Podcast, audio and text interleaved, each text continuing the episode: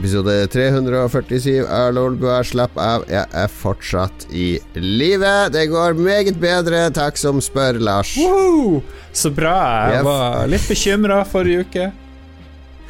Det går bra med meg. Går det bra med deg, Mats? Ja, det går faktisk veldig bra. Takk for at du spør. Ja. Ja.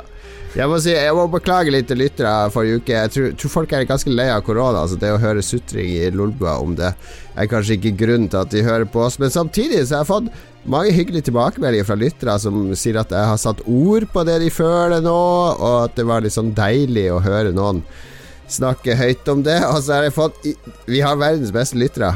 Vet du hva? Jeg har fått fire lyttere som har henvendt seg for å hjelpe meg med å finne lysrør til badet. Lyssupporten er ekte. Ja, vet du hva? Her er det tydelig Altså har du Hvis du f.eks. sliter med analklø eller noe sånt, Lars, det er bare å snakke om det på Lolbua, så jeg er sikker på kommer til å stå Ja, du har jo du en sånn fast lege som gjerne ser inn i rumpa di. Ok, det vil jeg gjerne dele. Jeg, jeg sliter med å finne vinnertall til Eurojackpot, så hvis noen lytter kan eh, nå ut og se hjelpe meg Skal du se at en, et matematisk geni med en teori om Eurojackpot tar kontakt og hjelper deg. Vi har Ja, alle, alle sorts lyttere i Lolbua. Ja, veldig bra. Ja. Nei, vi snakker om alt fra analklø til alt mulig. Det er jo litt artig det der. Det var en kompis som drev og nevnte hvis du har analklø, så må du liksom sjekke om du har ormer og sånt. Men det, det, jeg ble litt opptatt av det, fordi i den nye Klovn, The Final, så var det veldig mye snakk om analklø. Og så jeg lurer på hvor, hvor utbredt er sånne her, eh, ormer som lever i folk? Du trenger, det finnes sikkert flere ormer, ikke bare sånn analorm. Som parasitter, liksom. Ja, parasitter. Et av, et av mine barn fikk i seg en sånn, en sånn orm i barnehagen. Det hender når man ikke vasker hendene og sånne ting. Og da var, klødde det veldig om natta, så da sa legen at det kunne lyse med sånn lommelykter om natta i mørket, og så se om jeg så en orm. Det gjorde jeg, og det så jeg. Det var en orm som drev og lekte seg i blodpulet. Wow. Du kan, du kan også ta den ut med en q-tip, den ormen. Eh, hvis man vil, men eh, gikk for pillemetoden. Du får én pille som tar livet av ormen, og så skal du ta én pille til ti dager etter for å være sikker. Hmm. Kan man få tilpassa ormer liksom, som gjør positive ting? Som liksom kan hjelpe kroppen med ulike ting? Jeg har lyst på Jeg vet ikke om jeg vil ha orm, men kanskje en sånn koselig liten marihøne som lever på armen min hele tida, f.eks. Det har vært bra. Du kan vel lage en slags nanorobot da som gjør disse tingene. Det her tror jeg Mats er mer lest opp på enn meg. Ja, ja det er jo ofte sånn her eh, symbiose i, i sånn science fiction-universet. At du har sånn her symbiose med et eller annet. Men eh, jeg vet ikke om marihøne Hva kan den hjelpe deg med, Lars? Hvordan Den er koselig, så kan den si sånne fine ting. Ja, det blir en bra dag, snakke? Du vil ha en marihøne som snakker? Ja. Jeg Ja. føler at det er en future episode i Ebbing med vår venn Frank Tore Johansen, vårt fremtidsorakel. Som Ja. Han har sikkert komplett oversikt over det her. Det er uten tvil. Ok, ny episode. Vi er ved godt mot uh, alle tre. Det nærmer seg påske. Hva er påskeplanene uh, her, Mats? Um, det er litt vanskelig for meg å si, for um, egentlig så skal jeg dra Skal, på skal du gjøre som Erna? Skal du bryte regler? Er det derfor det er vanskelig å si? Nei, altså egentlig så skal jeg jobbe i påsken. Eller jeg skulle jobbe i påsken. For jeg skal jo egentlig Ja. dra på jobb eh, 29. eh, mars. Nettopp. Men så, har vi, så går vi inn i sånn her eh, Vi har sikkert snakka om det kort tidligere, men vi, jeg går inn i en sånn ny rotasjonsordning. Så jeg skal være fire uker disponibel fra 30. mars, og så fire uker frem. Så jeg vet, jeg vet Det kan hende jeg blir å jobbe, men det kan også hende jeg ikke blir å jobbe. Så jeg må egentlig bare sitte og vente på at kontoret mitt kanskje skal ringe med et oppdrag. Får du ekstra betalt for det at det er et sånn der uh, ubeleilig? Et Nei. ubeleilighetstillegg? Nei, jeg får bare betalt hvis jeg faktisk drar på jobb. Og så får jeg Ja. faste, faste lønna mi ellers. Her må fagforeninga gjøre en bedre jobb, for jeg husker Uten at jeg skal nevne navn, men det var en fagforening som sto så sterkt en gang at de hadde en sånn her eh, ugunstig ordning som de ansatte syntes var litt sånn ugunstig, så de fikk ekstra betalt for i flere år. Altså Når de klarte å få bort den ordninga, så ville de ha kompensasjon for manglende ugunstig ordning. De var blitt vant, vant til å få den ekstrabetalinga. Ja, ja, ja. Ja, det er sånn her eh, Jeg, jeg jobba En digresjon, en digresjon. Nei, jeg jobba, jeg jobba sånn disponibel før, så det, det, det For å si det sånn, det er en nedgradering av, eh, av arbeidsturnusen min. For Ja. to-fire er så fint, for det er liksom Det er forutsigbart, du har hele kalender Hele Ja.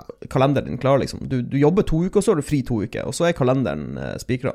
Men nå så blir det to uker jobbing fast på eh, det Ekofisk-komplekset, og så blir det fire uker fri.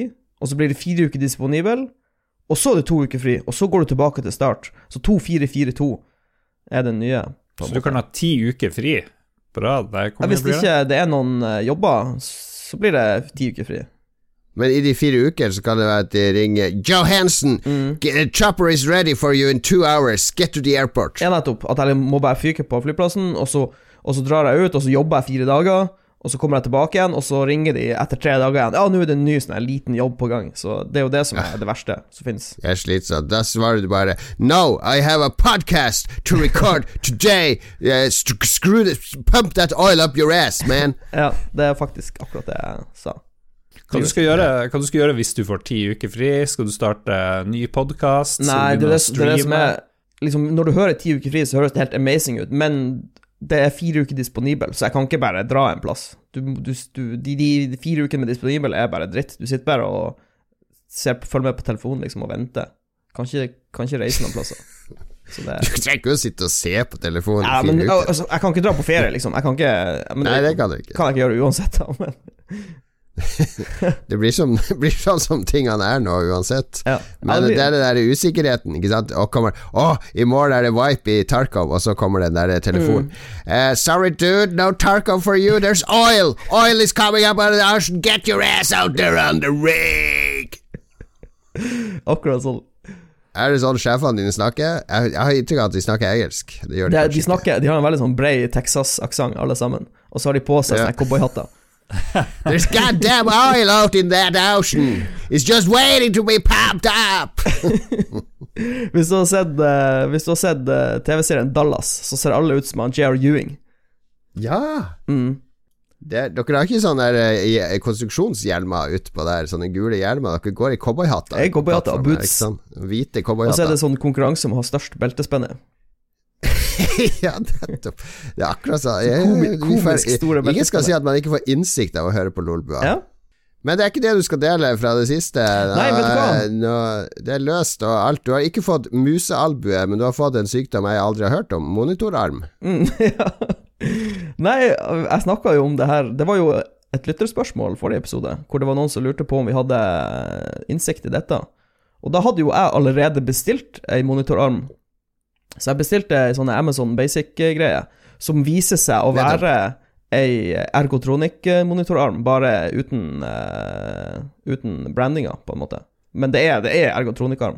Så nå har jeg fått montert den opp og satt uh, monitoren på armen, og jeg må bare si at det er sinnssykt behagelig Og kunne Så, men dette er eh, som en slags Sånn som eh, eh, mikrofonene våre holdes, altså en, en, en Mm. mikrofonarm, ja, bare det, det for er sånn, det er arm med ei sånn klemme som du fester på i skrivebordet, og så kan du, kan du flytte monitoren så nært du vil ansiktet. Kan gjøre sånn her.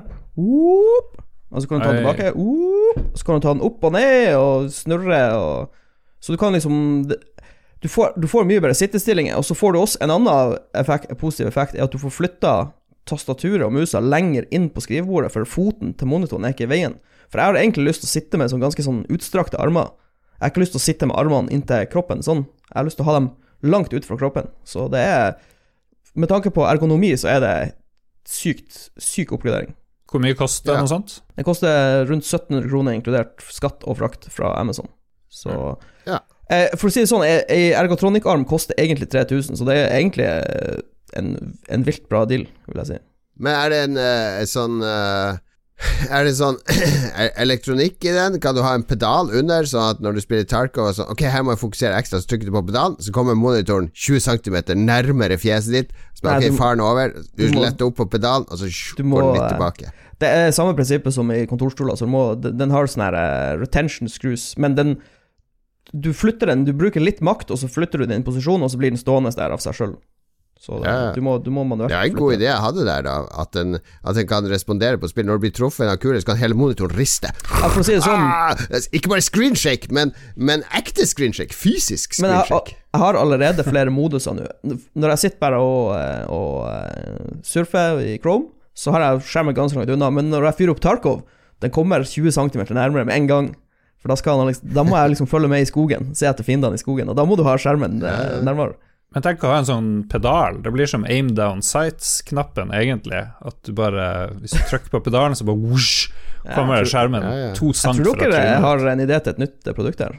Kan kalle den for In your face monitor arm pedal. Ok, vi må jobbe litt med navnet. Vi må, vi må jevne, jobbe på navnet. Men ja, for å si det sånn, hvis, det, hvis, hvis du har tenkt tanken på å skaffe deg monitorarm, så eh, bare gjør det. Jeg, kommer, jeg, kan, jeg kan aldri gå tilbake til å ha monitor på eh, fot lenger.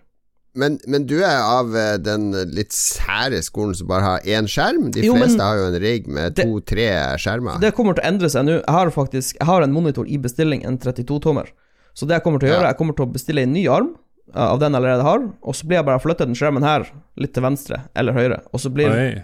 den nye 32-tommeren midt på. For litt av grunnen jeg ikke har bestilt to, eller hatt to skjermer, er at to skjermer med to føtter er bare helt krise med, med tanke på plass på skrivebordet. Dette tar så dårlig plass. Men når du har det på armer, så kan du liksom Du kan flytte dem litt sånn der du vil ha dem. Det, det er så uh, justerbart. Oi, oi, blir det masse streaming med to skjermer? kanskje. det var et ja. issue. Det, var, det er jo det, egentlig det som har vært eh, brems. Det, Jeg skal, jo, jeg skal jo ikke snakke for høyt der, men jeg har veldig lyst til å gjøre ting. Du skal skal holde kjeft, rett og slett. jo- holde kjeft Apropos påskeplaner, nå skal jo jeg opp. Jeg har allerede fått kjeft i dag fordi jeg Skal jeg skal ut og fly i påska. Så Mm. det blir jo Ja, det var det vi snakka om, påskeplaner. Så spora det Mm. av. Eh, Vi må jo dele våre påskeplaner òg. Men gratulerer med monitorarmen. Ja. Jeg, litt, eh, jeg, har, jeg, jeg, får den ganske nært eh, med mitt mekaniske tastatur og sånn, så det er ikke så Men jeg, jeg tenker på det. Tenker Ja, på det. ja. Litt frista. Ja, men påskeplaner, Lars, og hva som har skjedd i det siste Ja, Jeg kan ta mine påskeplaner hvis du vil det først. Eh, Vi, vi bruker jo å dra til Vestlandet, til Halsnøy, der Sunnhordland folkehøgskole er. De var forresten med i forrige episode av Spillrevyen, hvis du ikke har hørt uh, den, der uh, vi snakka litt om uh, utdanningstilbud som man kan søke på nå i april. Men rett ned for Sunnhordland folkehøgskole så har vi en sånn sommerhushytte som vi bruker å være i påsken. Og det går jo ikke i år. Vi bruker å være fire forskjellige familier der. Altså sånn rundt 14-15 mennesker, så det er jo helt utafor. Pluss at jeg tror den øya hadde kommet med høygafler og eh, shotguns og jaga oss bort hvis det kom 15 stykk fra Oslo og skulle invadere den øya nå. Så eh, vi det, Vi har ingen påskeplaner. Det er ingenting mm. i det hele tatt. Ikke Min eldste sønn kommer hjem fra militæret. Det er det, det, det, Nå er akkurat sånn snø at den er som stein. Den bare ligger i veien og tar opp plass og forhindrer deg å gå tur i skog og mark. Eh, det går ikke an å gå på ski, det går ikke an å gå på beina. Men hvis er, du er på høyfjellet ute i Jeg vet da faen hva det heter. Det er ikke lov. Ikke lov? Nei. Ok. Kjedelig. Men, men Jeg liksom min nå i mange, mange måneder å sette deg inn i situasjonen for oss som bor i Oslo, Lars. Beklager at jeg ikke vet alle detaljer om Ja. Problemet der nede er jo at det er jo ingen som har hytte i samme kommune som det de bor i. Det er det som er hovedproblemet. Ja. Jo da, det er lov å dra på hytta, men kun én familie eh, om gangen, ikke sant. Så det blir jo det blir jo samme som at vi er her, bare at vi mangler internett.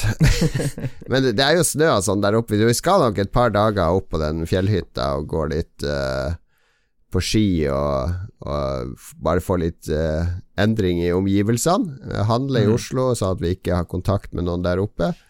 Eh, men det er jo ikke det samme når man ikke Vanligvis drar man på hytta for å møte andre, være sammen med andre på hytta, sosialisere på tvers av familier og venner. Mm. Grunnen til at jeg skal fly ut og, være sånn badboy i påska, er jo fordi hvis ikke, hvis ikke jeg drar og treffer kjæresten, så vil jo forholdet gå i stå, eh, egentlig. Jeg bor jo alene. eh, Det, det er ikke sterkere forhold enn det, altså. Nei, jeg frykter for det. Nei, men det, men det er jo Man må jo besøke uh, sine folk. Hvis du hadde pendla mellom Trondheim og Oslo, og sånt, så hadde du jo dratt hjem til Trondheim i påska, Jon Cato. Så jeg syns det er litt urettferdig kritikk. Eh, ja, du må gjerne tillegge meg at jeg hadde gjort det hvis det gjør det lettere for deg, Lars. ja, ja. Nei, så jeg skal opp, eh, jeg skal opp dit. Men, eh, men jeg, du var redd for at jeg skulle bli smitta på flyet, men er det liksom Jeg har ikke hørt om noen Nei, altså smitt- nå Du vet jo sjøl, i Harstad nå, så er det, kom, er det smitten på vei opp. Det har kommet folk fra Oslo, ikke sant. Nå skal jo sikkert 20 40 100 000, 200 000 studenter og nordmenn og andre skal hjem til påske. De vil ikke sitte i Oslo eller Bergen eller uh, andre steder med smitte. Nei, det skjønner jeg godt. Jeg har full sympati med det, men det kommer til å resultere i at eh, alle steder der dere sitter og Her er vi i kontroll, her har det vært ti smitta siden jul, det er ingen problem. Kommer til Oh my god, hva skjer nå? Fordi den nye smitten nå, det sprer seg blant unger og ungdommer som ikke har skjedd før. Og det er ikke lenger nok å holde én meters avstand. Eh, Du må minst holde to meters avstand. Eh, Det er ikke lenger nok med sånn at man kan være 15 minutter, må være mindre enn 15 minutter i samme rom. Eh, Hold med et par minutter nå, virker det som. Altså det, det er ute av kontroll her. Og Det er derfor alle i Oslo sitter hjemme nå. Fordi at bare det å ha Folk har så få kontaktpunkter som mulig, fordi nå smitter det så mye mer enn før. Så det blir en, eh, en, en Jeg tror det blir en eye-opener. Men vi skal ikke snakke om, så mye om korona her, da. Ellers så kan jeg melde at jeg har sett, uh, som jeg har gjort en stund, så har jeg sett uh, når jeg har litt sånn tid til års, setter jeg på litt sånn chill chip-musikk eller et eller annet, men noe av det jeg har sett på, det er jo gamle Metallica-konserter. Av en eller annen grunn så dukker det opp hele tida, sikkert fordi jeg har sett litt på det, sant? så du er det bare det i YouTube-feeden min på TV-en. Og så kom jeg over en konsert fra 93, uh, fra Milton Keanes, eller hva det heter for noe, i England. Eh, Med, med eh, Jason Newsted på bass, og det er første gangen jeg har hørt bass, nesten, i Metallica-musikk. Og det transformerte hele opplevelsen av å høre bandet, fordi de er jo kjent for å skru ned. Lars Ulrik og James Hetfield de hater bass av en eller annen grunn. Uh, Kill 'em Justice for All-albumet har liksom Du kan ikke høre bassen der uh, i det hele tatt. Det er helt sånn sykt. Så det er jo noen som har lagd en egen ja, De har lagd en egen versjon. Fans har lagd en versjon som heter Justice for uh, Jason, og sånne ting, hvor de har liksom skrudd og mekka og lagt til ekstra bass og sånt, for at du skal høre hvordan det sikkert egentlig skulle være. Men på det her liveopptaket, eh, hvor han Jason han driver med å synge, og han spiller masse bass, og du hører liksom litt sånn groovy shit eh, mellom alle de her gitarene til, eh, til resten av bandet og trommen, som er sånn her kjempehøy. Og Det var en litt sånn eye-opener. Metallica blir et helt nytt band når du plutselig kan høre, høre bassen. Eh, og så satte jeg meg litt inn i historien til han der eh, stakkars eh, bassisten som slutta i 2001. Det er jo når man kan følge i den der dokumentaren Some Kind of Monster, eller hva det heter, som er ganske bra sånn portrett av Metallica, hvor dysfunksjonell Det de er egentlig var. Det er ikke sånn man skal se folk man eh, beundrer og liker musikken og skaperverkene til, sitte og grine og Ja, ja, ja. De hadde jo en sånn fast psykolog inne i studio og så videre, og styrte veldig på. Men, eh, men det å høre ny Metallica, det er ok, men, eh, men det å høre med bass, det var liksom noe helt vilt. Jeg skal, jeg skal dele et eller annet sted på Facebook og Ja, det skal du Discord dele med oss, Lars. den der live-greia med bass. Det var noe nytt. Så det var det. Ja. Ja. ja. Det er vel en grunn til at de har vært gjennom De er på fjerde bassist nå, eller noe sånt. Han slutta vel, han nye med fletten nå nylig. Gjorde han det? Det vet jeg ikke. Det, det er news to me. Men det skjønner jeg godt hvis han gjorde, for det, når du hører nye opptak, det er bare Hvor er bassen? I hvert fall live og sånt. Bass er viktig, men vet alle kan lage bass. Det er diskanten som er det som er vanskelig. Hilsen podkasten. All right. Uh, ja, Mats har delt uh, monitorarmer, sier allerede. Jeg har to ting jeg må få lov å dele. Vi, har, vi hadde jo en uh, roffelbua uh, der vi kopierte Documental, det konseptet til Mats Hansen, som han var borte i Japan og, og solgte inn til japanske komikere. vi reiste i tid og Ja. kopierte det før. Vi lagde vår egen versjon av Documental, der Christian vant, og premien var jo en valgfri konsoll.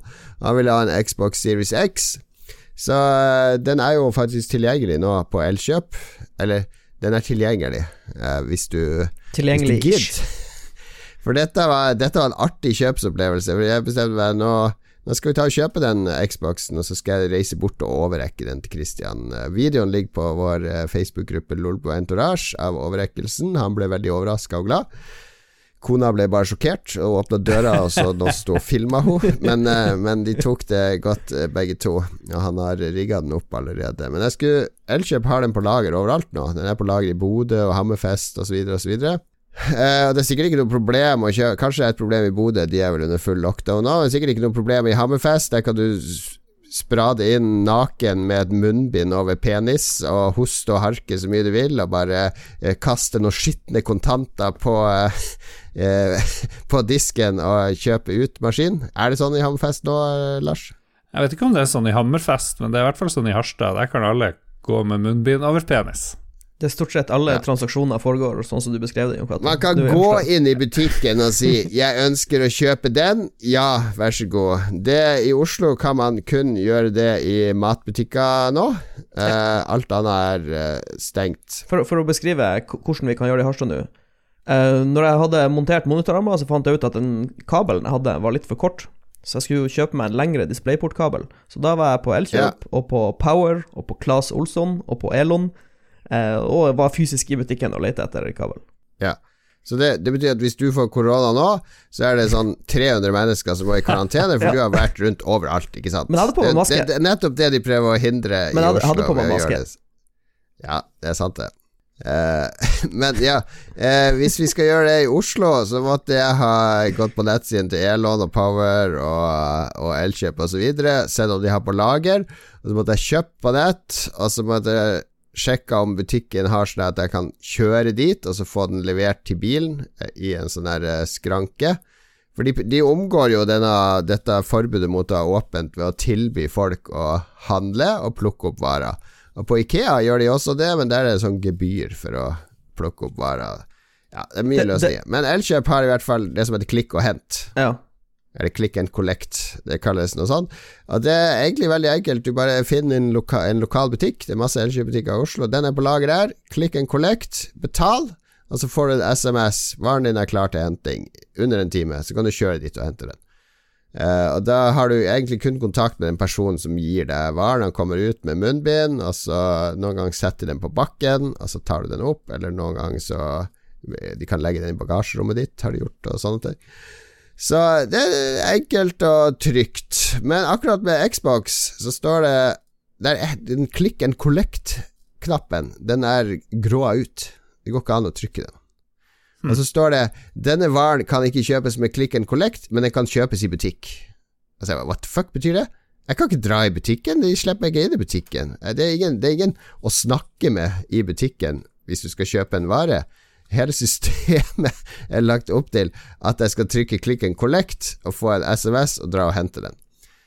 Så jeg drev og scrolla rundt, og så finner jeg ut av det her, og så vet jeg at Elkjøp har satt i gang eh, noe forferdelig, som er sånn der kjøpshjelp, der du får over videocall.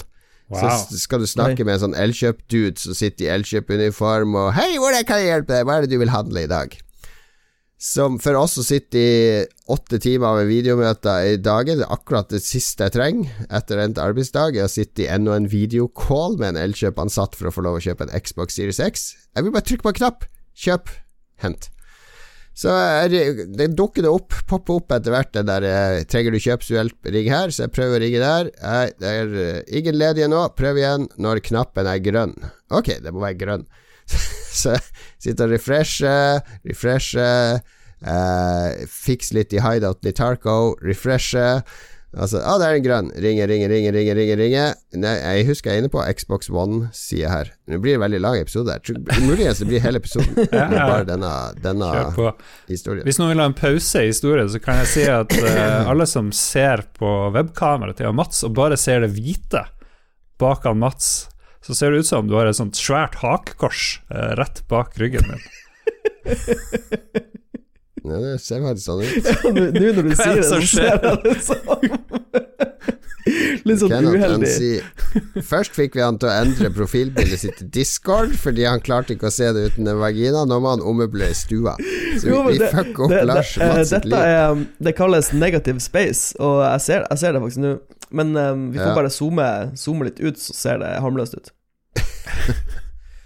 Ok, så jeg kommer Det ringer. Dukker opp en uh, dude på skjermen med en sånn Elgiganten-logo bak seg og en Microsoft-logo bak seg. Så jeg wow, oh, ok, dette, dette er bra. Både Microsoft og Elgiganten. Nå får jeg kjøpt Xbox.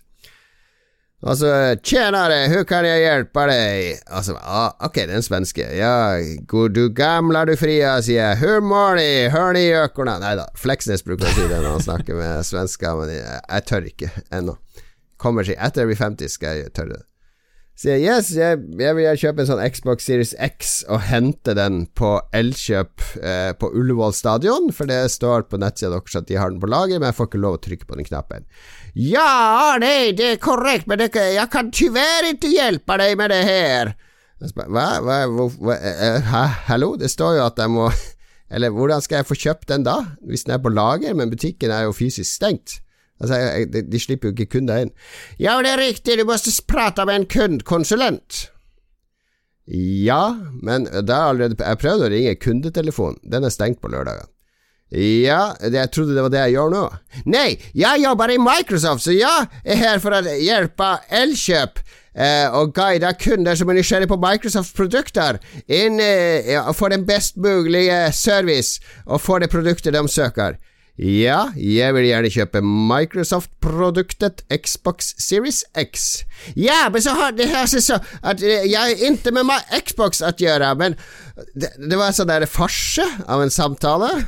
Så, en konklusjon på det ble at, at eh, hvis jeg er inne på et Microsoft-produkt på Xbox sine Elkjøp Nei, på Elkjøp sine sider, for eksempel Surface eller en annen et eller annet produkt som Microsoft har laga, og trykker det er kjøpshjelp, ring kjøpshjelp, så er det Microsoft sine ansatte du blir satt over til, og ikke en Elkjøp-ansatt. Ja. Wow. Hm. ja, og det Og da er Microsoft sine ansatte i Sverige. Og, det, og de kan ikke hjelpe deg med å kjøpe varer i Norge. De kan hjelpe deg å finne den varen du vil ha. Så konklusjonen ble Det her har jeg svart på hvitt, så jeg skulle tatt opp det da, Colin, egentlig. Men så, så, han sa du måtte gå inn på en, et produkt som ikke er et Microsoft-produkt, og trykke kjøpshjelp. Så jeg bare ok, så du, det du sier er at jeg må gå inn på PlayStation 5-sida til Elkjøp, og så ringe kjøpshjelp for å få kjøpt en Xbox. Ja, presis! så sånn fungerer det på Elkjøp. da Veldig intuitivt. Veldig intuitivt. Hmm. Nå har jeg holdt på en halvtime med det her. Så da går jeg inn på en annen side, så trykker jeg kjøpshjelp, og da kommer jeg til en norsk Elkjøp-ansatt. Han har den stramme, fine Elkjøp-uniformen, slips, skjorte, alt på plass. Sitter i et sånn eh, callsenter-lokale, så ganske så stusslig kontor. De satt jo oppå hverandre òg, jeg kan ikke tenke meg at de holder smittevernreglene der, og tok mm. imot eh, eh, Blid og fornøyd tok imot videocall. Så bare Yes, jeg skal kjøpe Xbox Series X. Jeg vil ha hente i butikk. Eh, Elkjøp Ullevål. Det er bare et kvarter for meg å kjøre. Kjøre dit med en gang, hente den. Kan du få kjøpe, vær snill. Yes, det kan du, men eh, dette er Elkjøp Slependen. Kan du kjøre hit i stedet? What the fuck? Skal jeg kjøpe ut av, kjøre ut av kommunen min, ut i Stabekk, Bærum, eh, for, å, for å gå ut av bilen der og stå med en masse folk som bor i Bærum og venter på å få en vare der. Det er jo helt absurd. Ja, nei, det var hvordan, Hvem skal jeg ringe for å få kjøpt denne på Elkjøp Ullevål, som er det nærmeste, der de har den på lager, klar til å selge? Ja, altså, etter mye om men jeg kan selge den til deg, da. Ja, altså, og overføre kjøpet til Elkjøp Ullevål. takk, takk. Og så får jeg sånn Vipps-greier at jeg må betale til Elkjøp Slependen. Så da spør han Er du sikker på at det er rett, for jeg kjøper det jo på Ullevål. Ja, vi bare overfører kjøpet dit. Endelig har jeg fått betalt den. Ut i bilen, kjørt til Elkjøp Ullevål. Ringer sånn telefonnummer på parkeringsplassen, og han bare Nei, det er ingen som har kjøpt noe Xbox her. Jeg ser du har kjøpt en på slepen. Så bare what the fuck, nå? Nå, jeg har shotgun klar her. Jeg orker ikke mer. Jeg vil bare trykke på en knapp. Kjøp, komme hit, hente den. Hvorfor skal det være så vanskelig? Ridley Scott, Ridley Scott, sin 'Falling Down 2' blir uh, veldig bra. Den blir å finne sted på Jeg vil bare ha en Xbox. Hvorfor skal det være så vanskelig? Hvorfor skal, det, hvorfor skal, det, være så mye hoops jeg skal hoppe gjennom bare for å kjøpe en ting i butikken deres? Og det er kun Altså, alt annet har fungert bra. Det er kun Årsaken til det her er at Microsoft ønsker at uh, Det er min teori, da Microsoft ønsker at kunder skal kjøpe denne på det avbetalingsgreia, altså de har pressa gjennom globalt. At du kan få en Xbox Series X på dagen eh, for null kroner, og så skal du betale var det 400 kroner måneden i to år. Eh, da får du GamePass inkludert. Det er en kjempebra deal. Altså Du ender ikke opp med å betale noe mer enn en Xbox Series X koster i dag. Så det er en sweet deal. Men for å kunne tilby kundene det her, så er de nødt til å gå gjennom en kundebehandler. Fordi Elkjøp er ikke rigga til å gjøre sånne salg på nettsida si. Hmm. Og grunnen til at Microsoft vil det, er jo selvfølgelig jo flere som gjør det, jo flere har committa seg til to år med GamePass.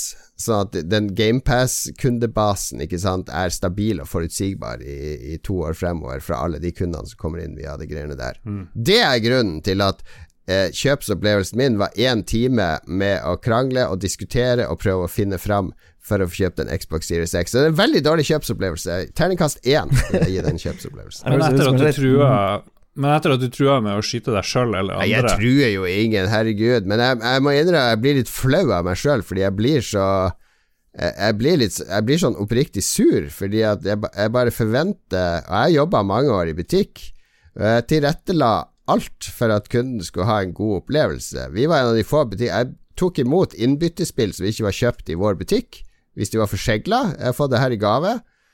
Selvfølgelig skal du få bytte det her, fordi kunder, ni av ti butikker sa nei til sånt. Nei, denne CD-en er ikke kjøpt her, den er kjøpt på Free Record Shop. Jeg sa ja.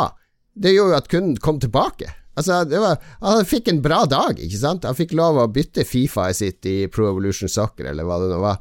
Og, og, jeg fikk en ny Fifa på lager, greit, jeg får solgt den og sånn, men det, det handler jo bare om å gjøre det mest mulig smidig og enkelt for kunden. Mm. All right. Og du for uh, til Christian og skremte kona, livskiten av kona, og det kan man se på Lolbua Entourage. Lolbua Entourage.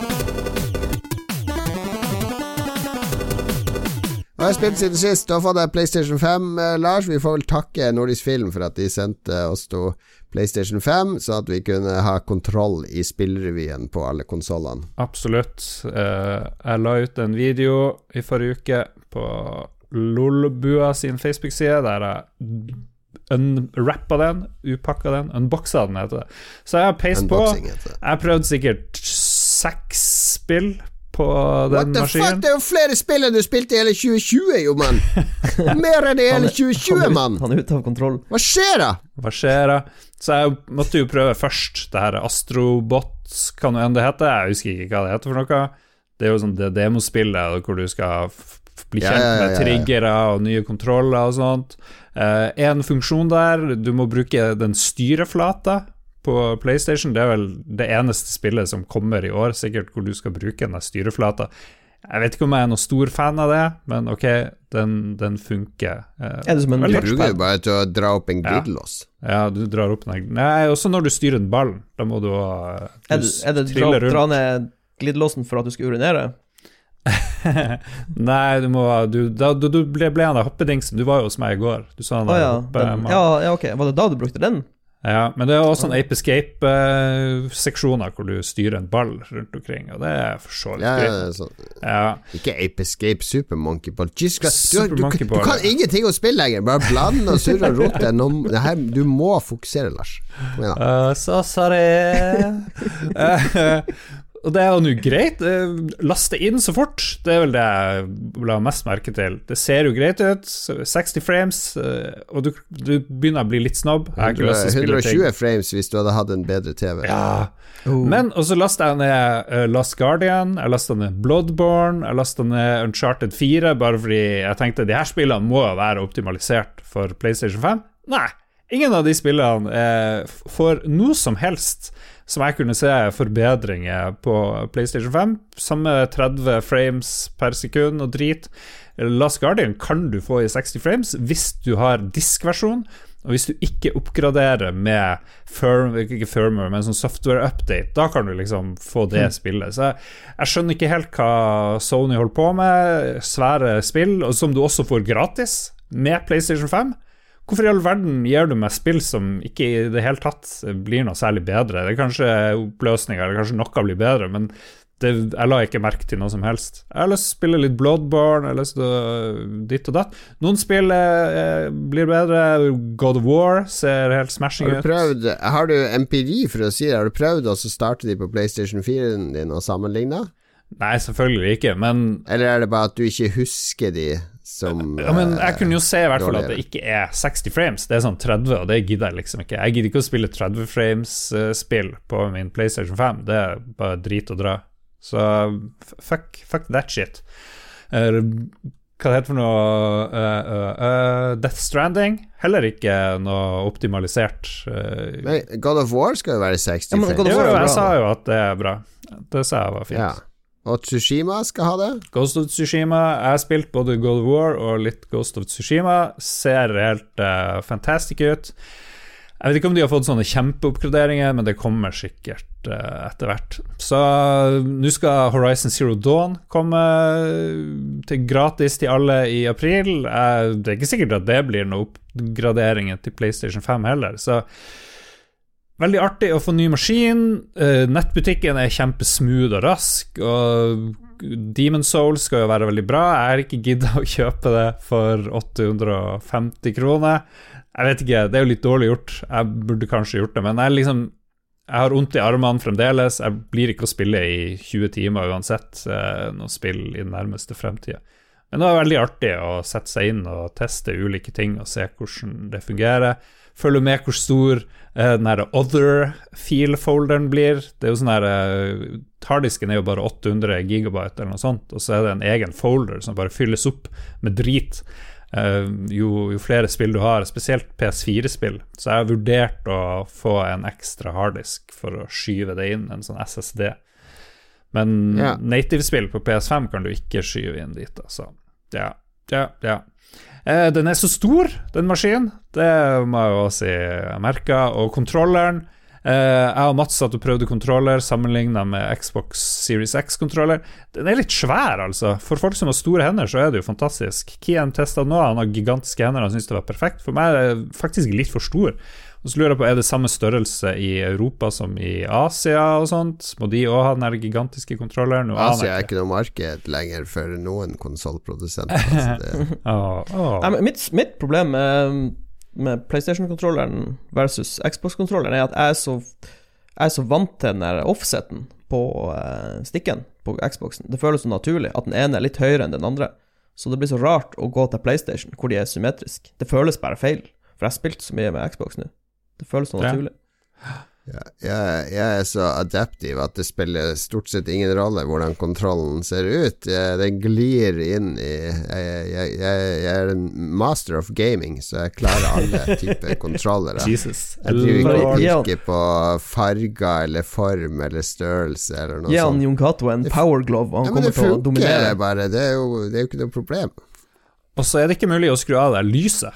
Det irriterer noen, det driter jeg i, men uh, da han Kian var her, for han spiller med kontrolleren opp på magen uh, og ligger veldig horisontalt, og da får han det der lyset i kontrolleren rett i ansiktet.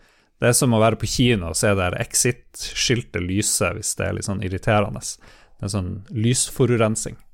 Eh, men Demon Souls, apropos, da har du spilt Jay-Z. Ja, jeg har spilt det. Men jeg skal være enig i at det er ikke så smooth som uh, Xbox uh, sin optimalisering, som er mer sånn foregår i bakgrunnen. Du må researche litt mer, men det er en masse spill som er optimalisert til PlayStation 5. No Man's Sky kjører 4K 60 frames, Borderlands 3. Uh, Until Dawn, Dark Souls 3, Sekiro, Shadows Die Twice. Alle disse er oppgradert for å kjøre 4K 60 eh, Days Gone osv. Så, videre. så det, det er mulig å finne ut av det, men det burde jo vært mulig å se det i økosystemet til maskin. Ja, for du må google alt. Uh, sånn som det er nå, så tror jeg det er mange folk som spiller PS4-versjonen av et spill uten at de skjønner at de kan spille en bedre versjon, og det er masse knot med at både PS4 og PS5-versjonen er installert ved siden av hverandre, så det tar dobbelt så mye plass. Så det er, det er litt De trenger å rydde litt i backend her. Ja. Nei, jeg er kritisk eh, til ting og tang, men jeg er veldig glad for at jeg fikk en PlayStation 5. Så happy! Ja, eh, terningkast tre, det er Lars, Lars er glad. Terningkast seks. Terningkast seks. Terningkast tre fikk Men pizza. Men når du spilte Oblivion på din Xbox Series X, var det optimalisert? Nei, men det hadde jeg jo ikke Nei, men det var ingen klage på det. Ingen klage i det hele tatt. Det er bare PlayStation som får gjennomgå her. Jeg synes det er litt skjevt her. Er det fair and balanced, dette her? Det, for det første så tror jeg, det er mitt inntrykk av å bla nedover GamePass og sånt på Xbox, at det er mye flere spill som er optimalisert enn det er for okay, PlayStation. ok, du tror? Tror? Ja, jeg tror. Det var mitt inntrykk. Du og Tucker Carlson. Mitt inntrykk er at det er like mange bad guys på begge sider.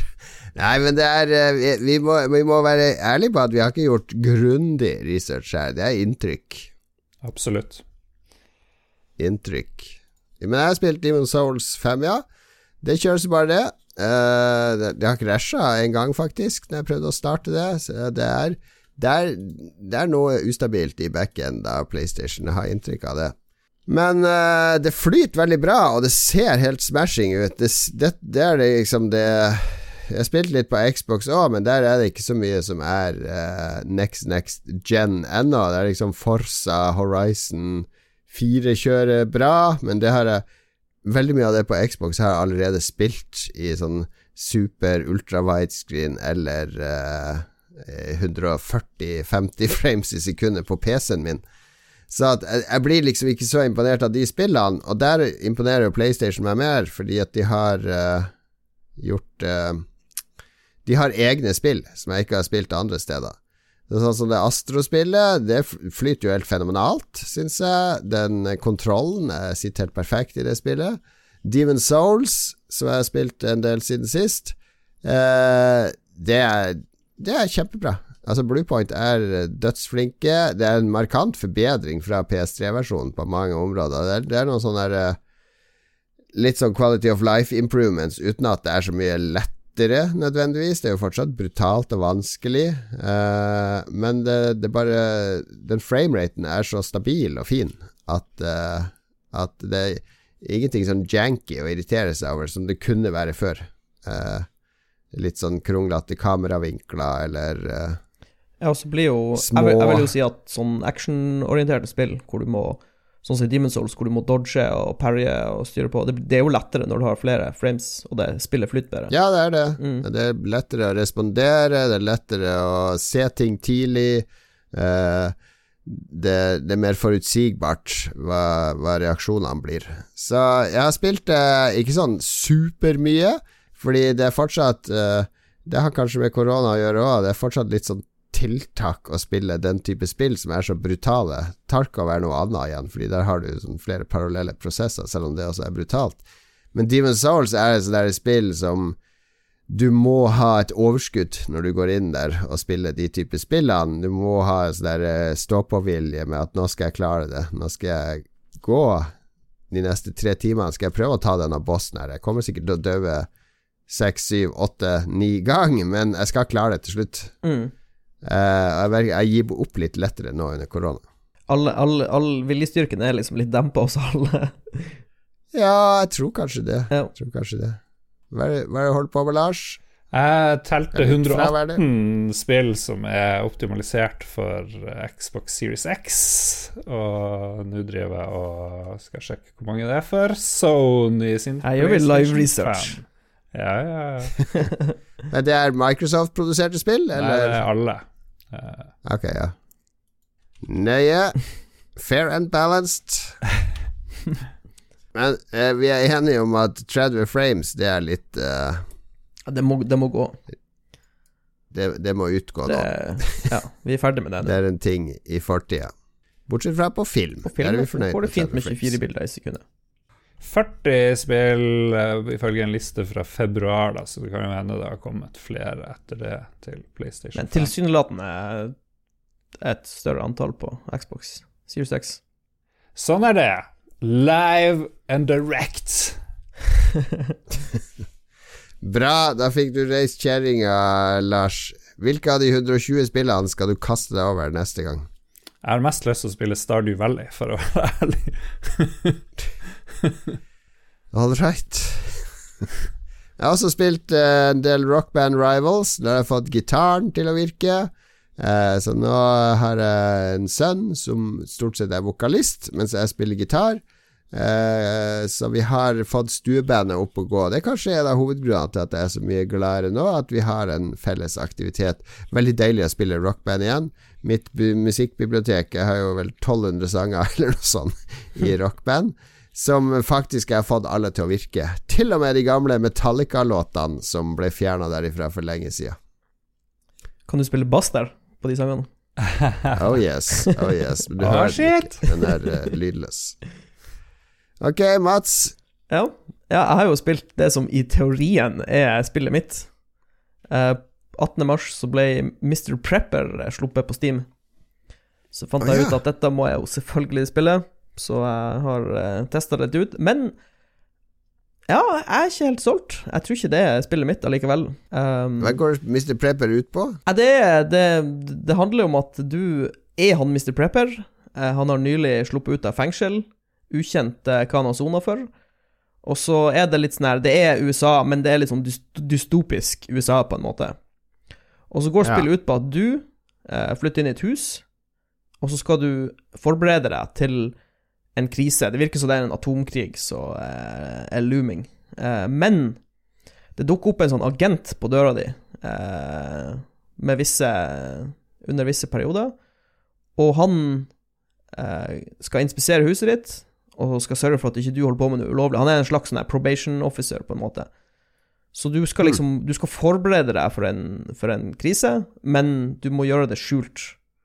Og så er det veldig mye sånn herre eh, Du må gå i skogen og hente tre, altså wood, og så må du kappe opp treet for å få eh, materialer, og så må du Mye sånn disassembling. Du må liksom plukke ting på kjøkkenet ditt og gjøre det om til glass og metall, og grave ut i Crafting. kjelleren. Og... Sånn vi liker å holde på med i hideout eh, i Tarkov, lage ammo Ja, og sånn. men jeg vet ikke, når jeg så Mr. Prepper på Steam, så tenkte jeg sånn Dette kommer til å handle litt mer Jeg hadde litt mer lyst på sånn byggteknisk med liksom Litt sånn detaljert med hvordan hvordan du kan utforme bunkeren din og Jeg vet, jeg vet ikke, det var det, Er det sånn Obos-bunker? Bare sånn der ferdige moduler? ja, det, det minner litt om eh, Jeg vet ikke om dere husker SimTower?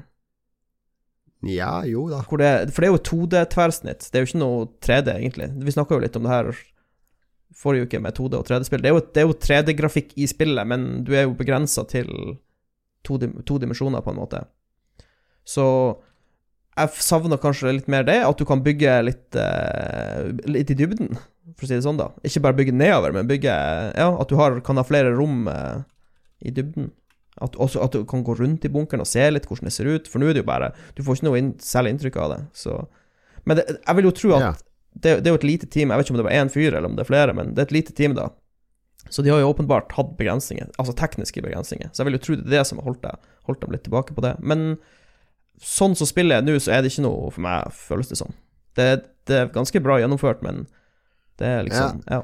Jeg føler ut fra det du sier, at du sliter med å få eierskap til eh, bunkersen og opplevelsen, Ja, på en måte. ja og så Ja, det er kanskje det, rett og slett. Eh, og så savner jeg Altså, jeg, har- jeg har ikke lyst til å For du, ehm, når du står og Du står liksom på arbeidsbenken og plukker ting fra hverandre for å få materialer, og da går det tid. Og fyren din må sove, så hvis du bruker fire timer på å plukke ting fra hverandre, så har du bare noen få timer igjen i døgnet før du må sove, og så må du spise, og så er det sånne, sånne mekanikker føler jeg ikke. Ja, nettopp. Jeg har ikke lyst på sånne mekanikker i det, i det spillet, så Nei, ja. du har aldri spilt Ja. Nei, jeg skulle bare spørre om Er Stardew Valley et prepperspill? Ja, altså Prepperspill på den måten at du At du, du, du eh, bygger jo en gård for å, for å klare deg sjøl, på en måte. For å være selvstendig. Så i den forstand, ja, kanskje litt prepperspill. Men dette, det, Mr. Prepper handler jo om at det er, det er en, en krise på vei. Du, det, det, er ti, det er tida går nedover. Du, liksom, du har, du har begrensa tid på å forberede deg.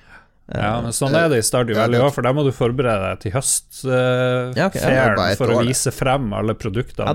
Ja, for, for jeg jeg hadde bare lyst på et spill hvor det er sånn Hvor du bare kan bygge Bygge ut eh, shelter, og kanskje du kan Kanskje du kan, by, kanskje du kan velge om du er utenfor byen, innenfor byen, litt sånne ting. Her er du begrensa til det, det huset, du, du har ikke noe options der, liksom. Så, ja.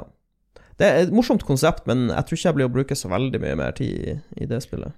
Nei, er det, er det sånn at har du bygd en bunker, så har du liksom gjort det? Det er ikke noe poeng i å restarte og gå en annen retning? Ja, det- eller har har du ikke- forskjellige mål å har ikke, strekke jeg har ikke etter? spilt det nok, så jeg er usikker på, på det, men det kan jeg Ja. ikke svare på. Ja, det hørtes ikke ut som en helhjerta anbefaling, men det er jo et litt artig konsept. Jeg minner mye om Fallout Shelter, som var, jo var en kjempefarsott på mobil og andre plattformer for noen år siden. Ja, jeg, har- jeg har ikke spilt Fallout Shelter, så, for det var bare på iPhone, tror jeg, i starten. Eller noe sånt. Ja, det var nok det. Ja, så jeg fikk aldri spilt det. Men uh, det kan hende det ligner på det. Men jeg, jeg kan ikke anbefale Mr. Prepper, men folk kan jo sjekke det ut hvis de er nysgjerrig. Men sånn som sånn som spillet er, så syns ikke jeg det var så morsomt. Nei. Det er ikke så mye mer å si om det. Lars, har du noen innspill? Nei, fikk bare enda mer lyst til å spille Stardew Valley. Hva er det som fenger deg med Stardew Valley? Det er så koselig og hyggelig og rolig og fredelig. Og så har jeg ikke bygd eh, stall til hester og sånt, så det må jeg gjøre. Kunne du tenkt å kjøpe deg en gård, Lars? Eh, Det virker veldig flott og fint. Og etter å ha lest boka 'Markens grøde' av Knut Hamsun, så i motsetning til Hitler, så fikk jeg ikke lyst til å invadere Polen, men jeg får lyst til å bygge en hytte og sånne ting. Hvis du skulle hatt dyr på gården, hvilke dyr ville du hatt? Ville du hatt kyr eller sauer eller hester eller høne eller Ja, hva er Litt sånn selvdrevne dyr, da. Litt høne og kanskje noe sauer og litt sånne ting. Geiter tror jeg er kult. Fritt, frittgående høne? Ja, ja, selvfølgelig. Alt, Ja. alt økologisk. Økologisk. Alt. Ja. Du vet jo at uh, han, han har bosatt seg i Kautokeino innen et par år, så der er det bare rein som gjelder.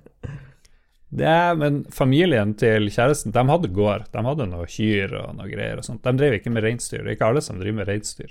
Det er det. Er sånn Hvilke andre dyr kan man drive med der oppe, da? Det er jo, Norge er jo et dårlig land for landbruk, egentlig, på mange måter. Det er jo så jævlig lang vinter, og oppe i Finnmark er det jo helt uh, crazy at folk driver og gjør sånne ting. da. Ja. Det du sier, er at folk burde ikke vært bosatt der oppe. Det er ikke praktisk Det er ikke praktisk eh, eh, bra å bo der. Nei, men Nei, hvis, hvis ikke det bor folk der, så flytter bare russerne inn. Så du må ha folk som bor der. Ja, ja. For å ha- egentlig, så, egentlig så burde jo alle bo i sånn eh, California, hvor det liksom gror hele året og sånn der. Så det er jo Hele verden kan flytte til. California. Ja. Ja, går det ikke an å utnytte den vinteren til noe? Kan ikke ha bisonokse eller noe der oppe? Noe, noe, noe vinterdyr? Kan ha, masse, kan ha sånn datasenter der oppe. Du har masse naturlig kjøling. Ja, Det er en god idé. Ja. det var en god idé. Har du fortalt at jeg var og så på eh, sånn der reindrift for ikke så lenge Nei. siden. Oi. det var søringa da som skulle drive det var 1500 rein eller noe sånt som går eh, ned i Sør-Norge her. Jeg vet ikke hvor mange rein man pleier å, å drive og, og Hva heter det? Gjete? Tja, sikkert. Flytte på. Du- jeg, jeg føler at du, Du alltid driver og flytter flytter på den. Du flytter den liksom fra A til B. Det er sånn du driver ja, skal, de skal flytte til et nytt beite, ikke sant? Ja. Så da må man lose de på vei. Og da, det er da man driver og springer rundt med noe bjelle og fløyte og lass og Kauke og sånn. Kanskje Kanskje er det her rasistisk mot Sava. Det er det inntrykket jeg har fra TV, da. At det er sånn det foregår. Eh, masse folk, eh, samer, som løper rundt, og hunder og sånn, og loser den reinen riktig. Er det riktig, Lars? På vinteren så drar de jo med snescootere, i hvert fall. Og, Ja, for det var det jeg òg fant ut. Fordi vi, stod, vi satt masse folk Det her var oppe ved fjellhytta, der vi har hyttetur hvert år. Det er masse rein oppå der. Altså, det skulle de flytte dit til nytt beite, og da skulle de krysse nedfor hytta. Det var masse folk i skisporet der som hadde satt seg til rette med kakao og kaffe og unger og alt. Satt og venta og venta og venta og venta, og så hørte vi noe sånn der Jeg hørte ikke rein som kom, vi hørte vroom, vroom, vroom. Fire karer som driver med snøscootere hit og dit, og prøvde å, å lose den der dumme reinen til å krysse det skisporet og så gå opp en sånn bakke. De brukte altså to timer på å få de til å gå 200 meter. Fordi den reinen Det driver og sprenger ring og ring og ring som en sånn sildestim. Det, det, må være det, bare, det, var, det var noe av det rareste jeg har sett. Er det ikke bare å lokke de oppover der? Jeg tror de må holde på i et døgn med å få den reinen til å gå noen kilometer. Kan godt hende. Jeg tror de springer ring akkurat fordi, som silden gjør, fordi det er en fin beskyttelsesmekanikk. For det rovdyrene ja, det blir er forvirra. noe sånn. Og så prøvde de å stikke av hele tida. Og da var det to sånne karer som kom på skuddet bare Så kom de rundt de, og så jagde de tilbake til flokken. Så det var gøy å se på i fem minutter. Yes, der kommer reinen. Yes, der står reinen. De går i ring og i ring. Sånn, nå gikk de tilbake 50 meter. Ja, da kommer de ned i den dumpa igjen. Yes. Jeg går, jeg går opp til hytta og henter noe. Jeg kommer ned en halvtime senere. Ja, de står fortsatt i den dumpa. Så det, det var uh, Man tar den underholdninga man får i pandemien. Ja. Ja.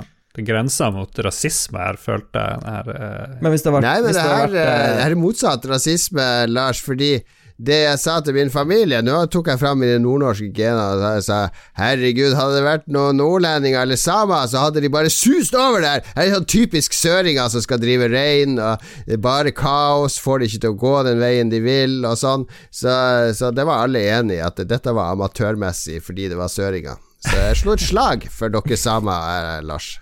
Ja, det kan jo hende det var sørsamer, da. Det fins jo òg. Ja, er det, fl- jeg, jeg hører at det er flere sørsamer enn nordsamer, er det sant? Jeg er litt usikker. Tør ikke uttale meg. Hvor mange samer, type samer finner det? Er det skogsamer, sjøsamer, sørsamer? Ja Sjø, lulesamer Fins det eh, litt sånne mil militante samer som holder på med ja. sånn, for å drive og sprenge sånne atomreaktorer og sånn? Terroristsamer. Dem Ja. er det kanskje Det mest finnes av. jo også skogfinner i Norge, det var noe jeg lærte her om dagen. Jeg trodde det, vi bare var kven alle mann, men nei da, der er det flere fraksjoner her òg. Ja, det var jo kvenfolkets dag her om dagen. Regner med du feirer hardt. Yes. Vi er jo alle, Ja, vi har jo alle ja. finske gener, så vi Ja. burde jo Ja, ja. Jeg tok, jeg tok meg en eh, støyt med eh, russisk vodka. Tok meg en, en liter vodka, så tok jeg badstue, og så kasta jeg meg i fossen etterpå. Det, Jeg, jeg så eh, Nei, jeg skal ikke si det. Ja, vi går videre. Du så finsk fjernsynsteater på NRK, var det det du skulle si? NRK-appen.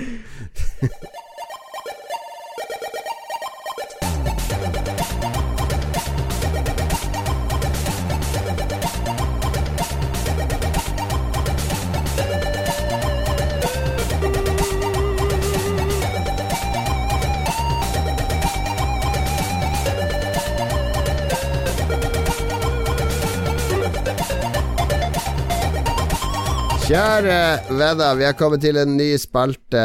Det er ikke Lolbua uten at det er en ny spalte i en episode.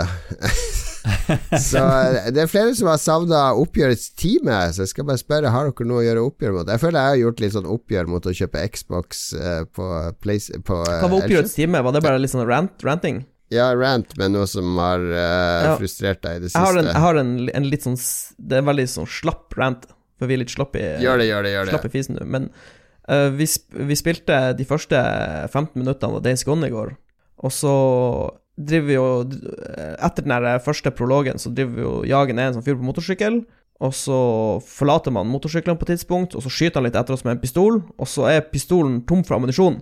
Så kaster han pistolen! Og det er en ting som skjer i film og spill. Når, når pistolen er tom for ammo, så kaster, kaster de den fra seg. Hva faen? Hvorfor gjør du det? Er du dum? Er du dum i hodet? Bare kaste fra deg 15 000 kroner, liksom. Som om det er ingenting. Hva hvis du, hva hvis du klarer å rømme, og så finner du noe ammunisjon på ei hylle, og så har du kasta pistolen din for en time siden? Du, din idiot!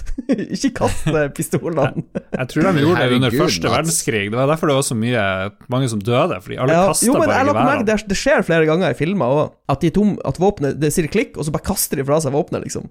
Det er jo det mest idiotiske tingene du kan gjøre. Du, du kan bruke den som et slagvåpen, om ikke annet. Hvorfor Det er ingenting Hvis du kaster den på personen, på, eller på den som angriper deg, da kan jeg forstå det, bare for å distrahere dem, for å liksom hoppe ut i dør eller komme deg unna. Men de kaster den bare på bakken, liksom. Som om ah, den er helt verdiløs nå, den har ikke noe verdi. Det er bare å kaste den fra seg. Hvorfor? Hvorfor gjør du det? Det gir null Ja. mening. Ja, fordi en pistol er, den koster ganske mye, altså. Ja, det er en kostbar ting. Nei, men det Jeg, jeg har forklaringer her, Mats. Det er to forklaringer. For det første, som du vet fra Tarkov, det er ikke bare å finne noe ammunisjon. Det finnes 10 000 forskjellige typer ammunisjon, så du går og bærer på den jævla pistolen, så finner du Å, der er en boks med kule. Nei, det er eh, 2,5 eh, millimeter feil, pluss at det er sånn sporlys, og det passer bare i sånn større løp, så jeg må bytte ut hele eh, Et eller annet. Ikke Ja. sant? Det er ikke bare å finne ammunisjon, det er vi enige om. Nei, men, Men det eh, andre er ja. i fortellerteknisk Så hvis du skyter pistolen tom og putter den i lomma i en film, eller i, eh, har den med deg, så publikum husker Han har jo en pistol. Hvorfor bruker han ikke pistolen? Ja. Hvis du kaster den fra deg, så vet de Ok, nå er han forsvarsløs. Nå blir det, nå blir det intenst, nå kan han ikke forsvare seg. Så det er jo et fortellerteknisk grep, først og fremst. I, men- I film, i hvert fall. I, I spill kan jeg ikke forsvare det like godt. Ja, men jeg, jeg forstår hva du sier, men, men samtidig så liksom det, det eneste du gjør for meg, er at det, det irriterer meg. Det, jeg tenker ikke han er forsvarsløs, jeg tenker han er en forbanna idiot som akkurat har kasta fra seg et fungerende våpen. Det er det eneste de forteller meg. De burde kanskje gjøre bedre research, fokusgruppe, folk som er medlem av pistol- eller våpenklubb, og se om dette er jeg, ser bare, jeg ser bare Og- alle tusenlappene som flyr ned på bakken, liksom. Kan du Ja, folk som kaster fra seg pistolen, eller eh, pistoler som aldri går tom for ammunisjon, sånn som i en John Woo-film, f.eks.? Nei, men eh, alle vet jo at i John Woo-filmene så lader de våpnene eh, når de bytter scene. Eller når de, når de bytter kameravinkel. Kjent, kjent fenomen. Ok, det var en digresjon, men bra at vi har faktisk liv i den spalten Ja. her. Eh, Vi spiller litt musikk. Takk for dette. Det var, det var kanskje ikke oppgjørets time, det var oppgjørets uh, ti minutter. Ja. si. Ja, det var en svak. En svak.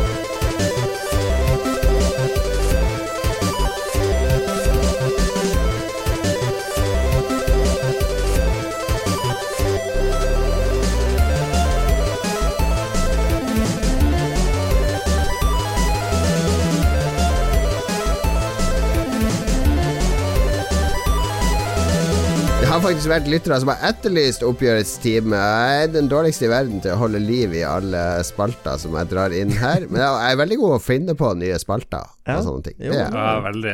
Du er Kudos. Du er en oppfinner. Du er ikke en vedlikeholder. Du er en oppfinner. Ja, og nå får vi en ny ja, ja. spalte, men jeg føler at den har vi hatt før, egentlig. Nei, vi har hatt en gjennomgang av 80-tallet. Men vi har, vi har snakka Ja, om um, Ja. Ja, ok, du får introdusere det her. Ja, nå skal vi i de neste uh, 50 I de neste 49 episoder Nei, nei, skal vi gå gjennom år for år spillhistorien. Nei, Vi skal starte i 1972. Det er ingen som tror at vi blir å holde på i mer enn fem Velkommen episoder. til spalten Spillhistorie 101 i Lolbua. Boom, boom! Bush. Selvfølgelig kommer vi til å holde på med det her, Lars. Jeg trenger sånn kontinuitet og prosjekter og forutsigbarhet i koronaen, så dette skal vi holde på med. Vi skal, Målet med denne spalten er å gå gjennom spillhistorien fra det starta og hvert år fremover. Konsollanseringer, hva som skjedde, datamaskiner, høydepunkt innen spill. Det er ikke så omfattende de første fem-seks episodene, eh, for det var eh, litt begrensa hva som skjedde på 70-tallet, og spesielt i 72, som er det året jeg valgte å begynne. Hvorfor har jeg valgt 72? Fordi det, nå sitter en eller annen eh, I nerd 1971 så kom eh, ja, Puntervold eller en av disse retrospillfanatikerne bare eh, Det var Computer Space, og det var eh, det der militære som lagde Pong på 50-tallet på et oscilloskop og ditt og datt. Vi skal snakke om fra det kommersielle gjennombruddet til spillbransjen, altså der spill etablerte seg, og det var i 72. Det første kommersielle storspillet kom. Er to fantastiske ting som skjedde i 72. Jeg ble født, dataspill ble født. oh. Oi, det henger sammen, faktisk. Det er kanskje hovedgrunnen til at jeg valgte året. Uh, så var det sikkert mye Vietnam. Var det Vietnam i 72 fremdeles? Vi må jo ikke Ja, ta for oss Vietnam. hva som skjedde. Det var i Vietnam dataspillene ble oppfunnet. uh, Popgruppen Popgruppen ABBA ble danna, og Kiss ble danna i 72. Kan du se. Ja, se der. Begge har fire bokstaver. Det var greia med band på den tida.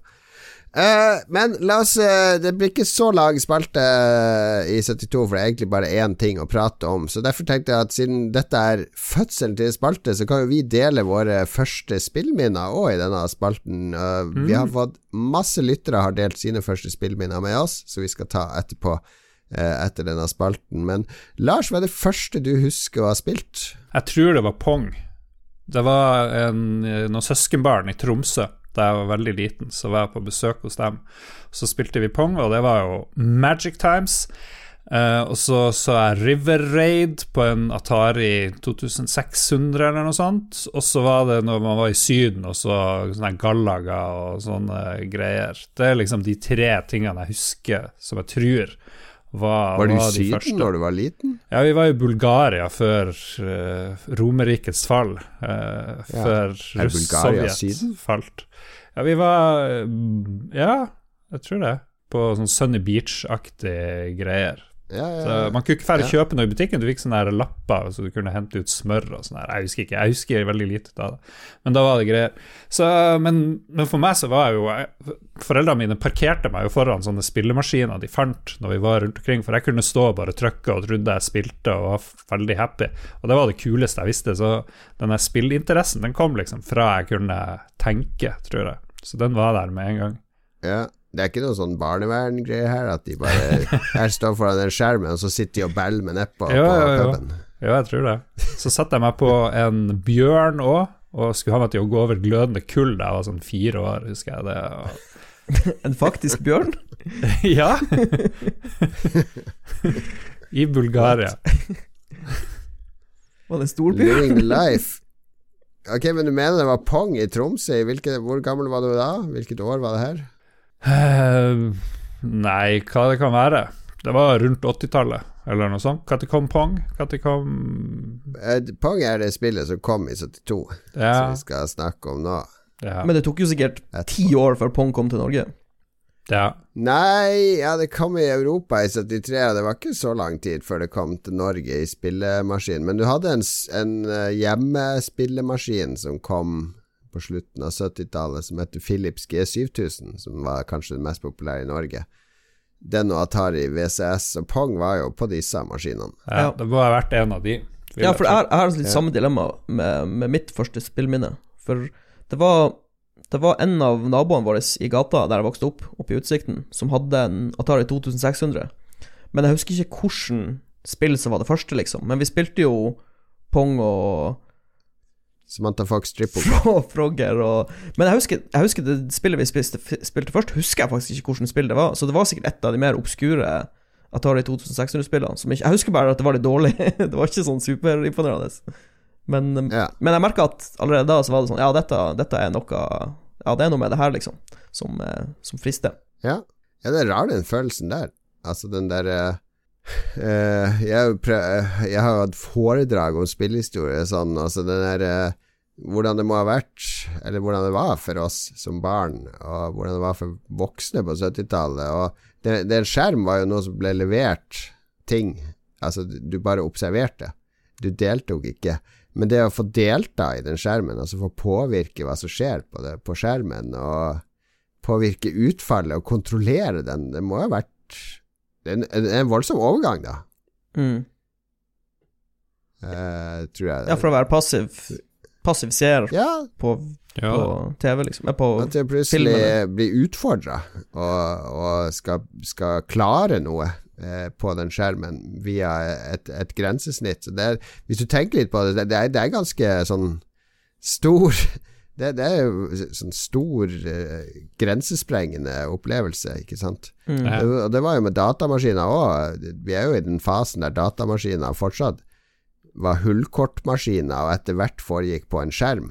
Eh, en del skjedde på skjerm på denne tida, da, men fra det å altså, lage hullkort som du putter inn, og ta en utskrift som er resultatet av det du prøvde å få til, til å direkte manipulere De spillene vi spiller i dag, er jo direkte eh, arva fra en hullkortmaskin, der du putter inn noe input og får et output.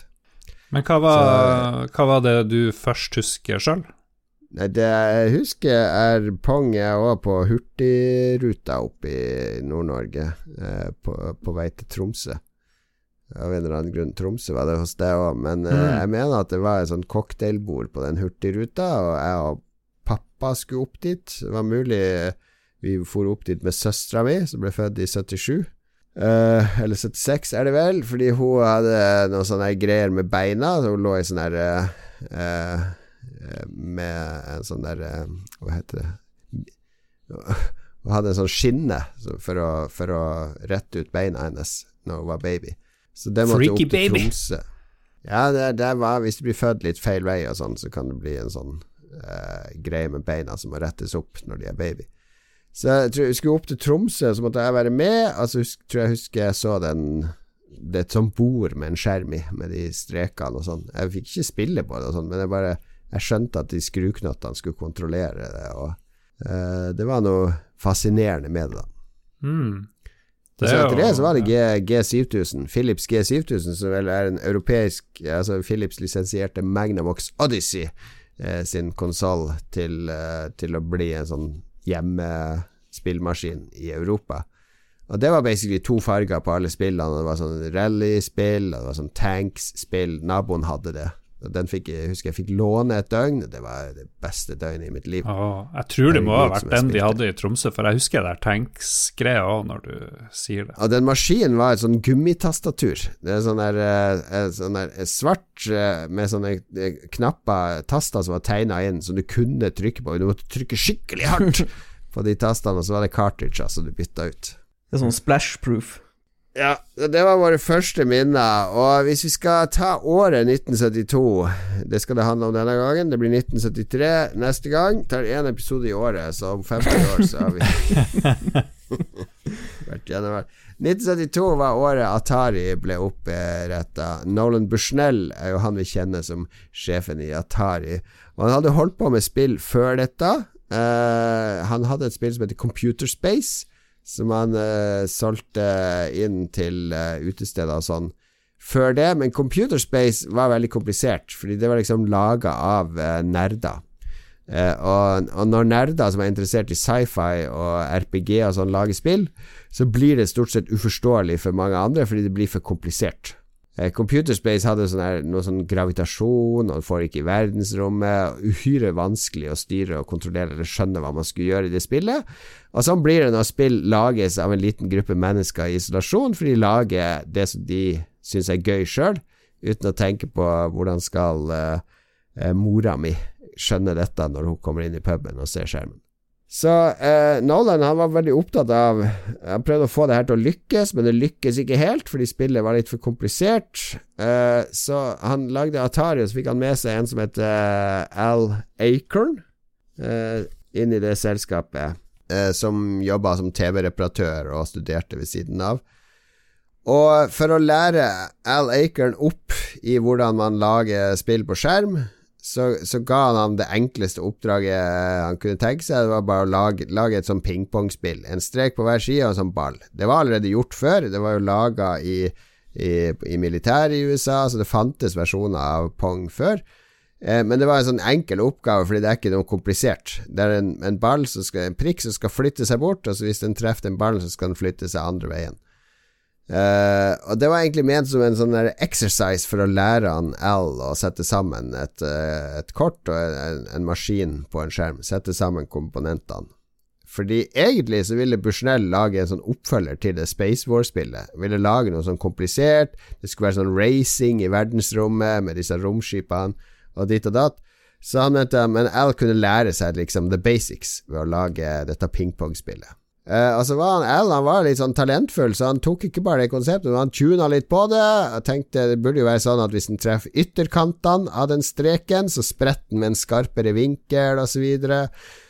Han uh, lagde Nolan skjønte at dette begynte å bli bra, så han sa Han hadde sånne grandiose visjoner for spillet. Altså, når ballen går ut, skal det være sånn publikumsjubel. Uh, jeg skulle få følelsen av at det er på sånn stor arena, men sånn L, han bare keep it simple. Han bare lekte med noen frekvenser. Sånn, den lyden er det når ballen går ut. Det, han, han, han, gjorde, han, gjorde, det så enkelt som mulig og forståelig som mulig. Og det er det som er suksessen til Pong, fordi Bushnell ville lage noe som var altfor komplisert for folk. Mens Pong, det var sånn at alle skjønner Pong når de ser det. Jeg skjønte det, Lars skjønte det. En ball, to streker, hold ballen i live, rett og slett.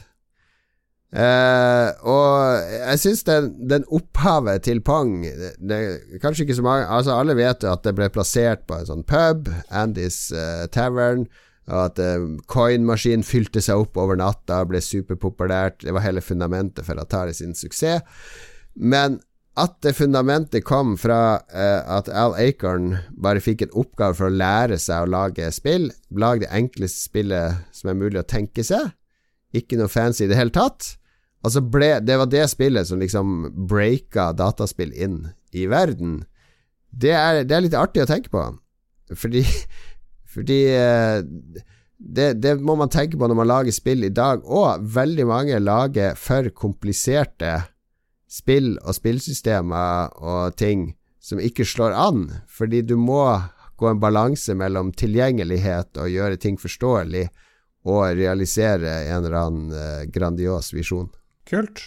Nei, men uh, jeg lærte mye uh, fra ditt foredrag.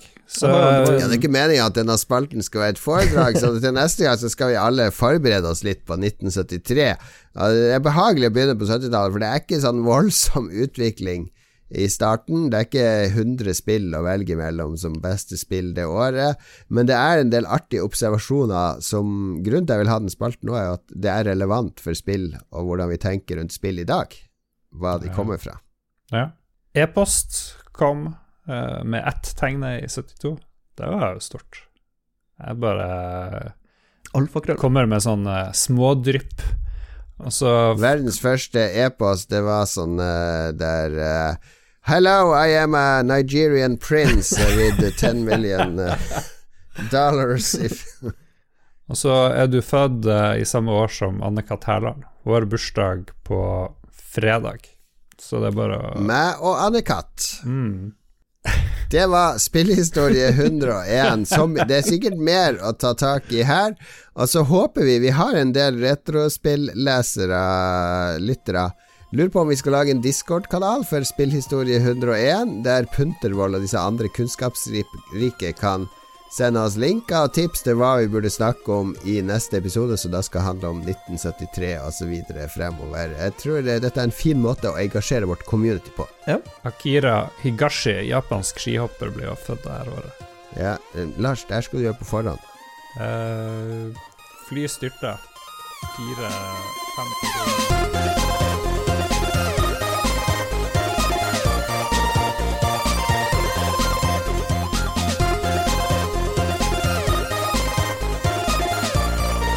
Veldig bra å komme i gang med ny spalte. Lover å holde liv i den her i hvert fall i to episoder.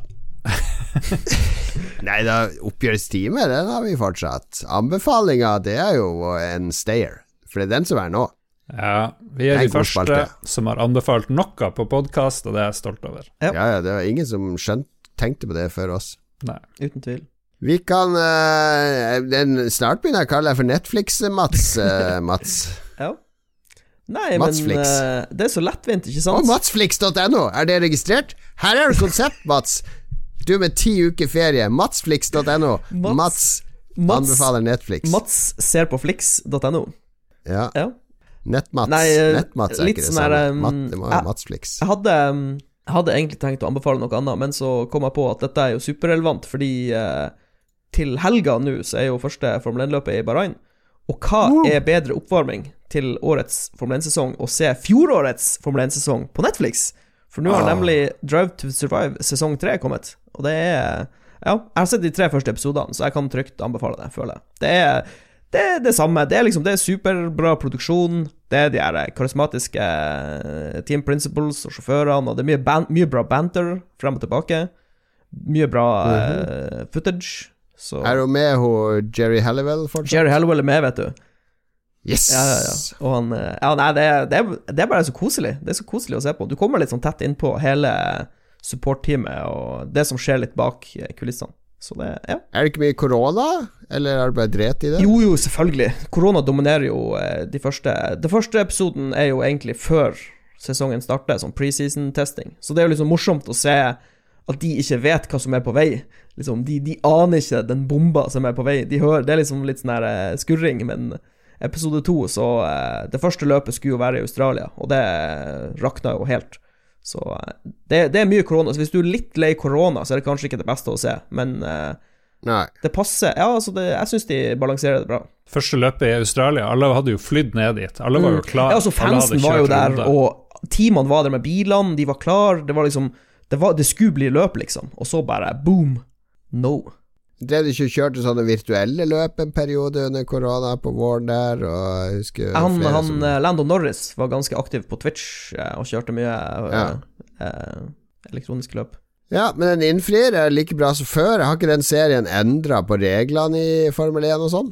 Nja, det er jo mer at det kom et amerikanske eiere inn, eh, så de, har- har endra litt på ting, men Men eh, det er ikke sånn at de har litt smalere biler, så det skal bli mer forbikjøringer. De har sånn cap på hvor mye penger de kan bruke på bilene, så det skal bli mer spennende. de endrer konstant eh, reglene på hvordan du kan bygge bilene, og eh, tekniske krav og sånn, men fra, fra, fra 19 til 20 til 21 så er det ikke så dramatisk store ting som har skjedd med bilene. Det er litt sånn småting, men ja. Det er jo litt sånn Det er jo litt sånn drama rundt eh, visse teknologier. Så noen Mercedes hadde jo en litt sånn kontroversiell greie i eh, 2020 med den der eh, rattet du kunne dra til deg og dytte fra deg. Og det er jo selvfølgelig med i eh, Det er jo utrolig morsomt å se de andre eh, team principlene legge merke til det her når de driver og tester biler. Så bare vent litt, hva, hva var det han gjorde nå med rattet, liksom? Og så bare springe og levere protest med en gang, eh, fordi dette kan jo umulig være lovt. Så det er mye, mye sånne morsomme detaljer. Ja, spennende. Er det bare at de kan finne på hva de vil av nye regler? Kan de ta I år skal vi Er det bare rygging? Alle Det, skal det, rygge. bruker, det bruker å være sånn at uh, de, de, FIA setter ned regler på hva, hva som er ulovlig, og så jobber de rundt det, på en måte. Det er ikke sånn 'dette er lovt', det er mer 'dette er ikke lovt', og så må de prøve å finne måter å komme rundt det på. Ja. Ja. Det er ikke men men det er jo skal vi litt få sånn den første eh, kvinnelige Formel 1-sjåføren. Ja, ja, hva er det? Hvorfor er det ingen likestilling her? Jeg vet ikke. Nei, det, det det, har jo vært, spørsmål. det har vært dame i Formel 2, og Formel E er det kanskje dame, jeg vet ikke. Jeg er litt usikker, faktisk. Men eh, Ja, det har kanskje med at de er redd for at de må rygge. Ja. Det var den. eh, PFU. ja, var vi si, Adressen er lars.rikard.olsen.gmail.com. Eh, Jeg jeg tenker på det Jeg Jo, men klagen- jeg, jeg, tenker på det, jeg tenker på det flere ganger, og jeg tenker også på det hver gang jeg ser sjakk. Hvorfor er liksom Hvorfor får damene å spille sjakk med bare damen, liksom? Det er jo Ja, det er noen der, eh, spesielt som kommenterer. Det er et par damer, men de er ikke helt i topp ti, liksom. Ja, det men det det er noen som er oppe og snuser. Ja. Jeg, tror- jeg tror damer kunne gjort det like bra som menn i Formel 1. Det har ikke noe med fysikk å gjøre. Om, om Jeg lurer på om det kanskje er at menn er mer enspora og sånn. Altså Det er jo også sånn i de kokkekonkurransene med Michelin og sånn, så er det jo bare mannlige kokker som driver og, og skal brife med det der, eh, havsaltskummet som har stått eh, 20 dager og fresa i en panne sammen med litt geitost fra, Ja, men så har det også Det har også sikkert vært litt sånn at du har Du har jo, du har jo et miljø eh, Et stort miljø, og så plukker du opp en liten elite fra det miljøet som blir spydspissen. Sånn så I Formel 1 så er det jo karting og Formel 3 og Formel 2, og der er det jo hovedsakelig Ja. menn. Så når du da skal plukke ut de, de 20 som er best, så er det jo stor sannsynlighet for det blir en mann, dessverre. Fordi det miljøet under er dominert av menn. Så jeg tror når du får inn flere damer i det undermiljøet, så øker du sjansen for at det vil komme ei dame opp i det elitemiljøet, rett og slett. Så det, det er bare det som I mangler. Lolbua er det helt uh, motsatt, for der har vi ett kvinnelig medlem, og hun tror jeg knuser alle oss i alle idretter. Ja, der kan du se. Nei, jeg, jeg tror bare det er et tidsspørsmål. Det, det kommer til å skje. Ja. Er ingen Eller det var i første sesong var det vel en sånn kvinnelig eh, leder for et team òg, men hun var vel den eneste. Og Claire Williams, ja. Ja. Men hun arva det jo mer eller mindre, for hun er med hun er i familien, liksom. ja. Det du sier, hun var ikke flink. Det var ikke fordi Hun hun, har jo, var flink. hun har jo, var hun har jo steppa ned nå, Ar- da, så hun, Men hun fikk jo veldig stygg oppgave. Altså, Williams var jo på turné når hun fikk ja, det i ja, hendene. ja, de var jo helt, helt på felgen. Ja, så hun, hun, det en veldig uheldig situasjon for henne. Men apropos Formel 1, er det noe, finnes det noen som helst bilde av eh, Michael Schumacher etter den eh, skiulykka? Han er ut, utrolig skjerma. Han har vært sinnssykt skjerma. Jeg tror, ikke, jeg tror han bare er som Elvis. Han bare driver og styrer på og er anonym. Det går helt fint med han. Han bare gjør et eller annet. Schumacher is Samtidig. fine. Det var noen som spurte om det her om dagen, eh, ble det snakk om det, at eh, han har vel aldri vært sett etter den ulykka, sånn Nei, jeg, offisielt. tror- jeg tror familien har skjerma han veldig, fordi de vil ikke at det skal florere bilder av han. For jeg tror, jeg tror ikke det går så bra med han, for å si det sånn. Så jeg, jeg forstår jo det. Nei, det virker, virker kanskje ikke sånn. Jeg tror de vil beholde det bildet av han Schumacher som folk husker, på en måte. Altså de, po- det positive, mentale bildene. Sønnen til Schumacher er vel med i nye Formel 1 i år? Ja, det er han jo jaggu. Ja, ja, ja. Mm. Stemmer. Så, Så det blir Schumacher. Legacy fortsetter. Ja, det er jo litt kjedelig at du holder, er, den beste i verden i mange år i en av de farligste sportene i verden, og så ramler du på ski. Altså er det liksom Ja, det, Det er det som skulle det det Sette deg ut av spill. at det er ganske farlig å stå på ski nedover fort. Ja, jeg vil Jeg tror han sto på ski, og så hadde han en GoPro eller noe lignende, og så krasja han i en stein, og så tror jeg den GoProen bare embedda seg inn i hjernen hans på et eller annet vis, hvis uh, mitt inntrykk er rett. Okay. Så det, det var ikke bra. uff. Nei, det, er- farlig, det er farlig å stå på ski i sånn uh, For han, han sto vel uh, i sånn løype utafor løypa, sånn offpist, at han bare kjørte i skogen, liksom. Ja, Og det er jo ekstra farlig. All det er farlig. Ok. Lars, eh, ser du er på du er, du er omtrent like langt nede som jeg var når jeg anbefalte McDonald's i bilen. Fordi hva, hva er det du har klart Du har vridd hjernen din for å finne Ja. noe å anbefale den siste uka. Du har ikke vært på noe sølvsmie oppe i Kautokeino eller Nei, nå er jeg i ditt liv, nå bare opplever jeg ingen nye ting. Så det mest spennende jeg har opplevd denne uka her, er at jeg og Mats kjøpte Mårud og Kims potetgull med salt og pepper, og skulle gjøre en vitenskapelig sammenligning med forskjellene mellom de to potetgullene. Og så kjøpte vi jo en dipp, jeg husker ikke hvilket merke. Tortilla dip. Mårud tortilla dip. Ja, så vi klarte ganske fort å kåre en vinner. Jeg var litt imponert fordi Mats kjente igjen fysisk eh, utseende på de to potetgullene. Ja. Um, men det gikk Jeg vil si Kims så bedre ut, smaka bedre, var større, hadde bedre tyggeferdigheter og funka bedre med dipp. Den vant på alle områder, Ja, egentlig. jeg, jeg vil Jeg må skyte inn litt her. Hvis, hvis formålet bare er at du skal dippe med potetgullet, så moser Kims Mårud. Fordi Mårud-flakene er mye mindre og mer sånn patetisk. Men hvis du, hvis du skal spise uten dipp, så, så har Mårud sin sjarm, på en måte. Fordi ja, kan ha Kims- det, men de er fremdeles mindre og smaker mindre, da. Ja, ja, det er de, men de er også tynnere. Fordi uh, Kims-flakene er veldig sånn solid og kraftig bygd. Så hvis du vil ha litt sånn tynt, uh, sped potetgull, så er Morud bedre, vil jeg si. Men hvis du vil Men, eh, Det var et problem at de knakk i dippen? Er det det du sier? Nei, altså, Morud-flakene er så små at det er liksom det er som å Ja. dippe med en eh, tommelnegl, nesten. Mens. Kims-flakene Det er store og Kanskje fordi majestetiske. posen har blitt litt røft behandla? Nei, nei, nei, altså, du, du ser på dem at flakene er en fjerdedel av uh, Kims sine, liksom. Det er betydelig størrelsesforskjell. Ja, så min anbefaling, soleklare anbefaling denne uka er Kims potetgull med salt og pepper. Uh, best i test, Det bør også nevnes at dette var Mårud sin nye, mindre pose med mer potetgull. Så det, de har tydeligvis uh, endra på noe uh, nylig.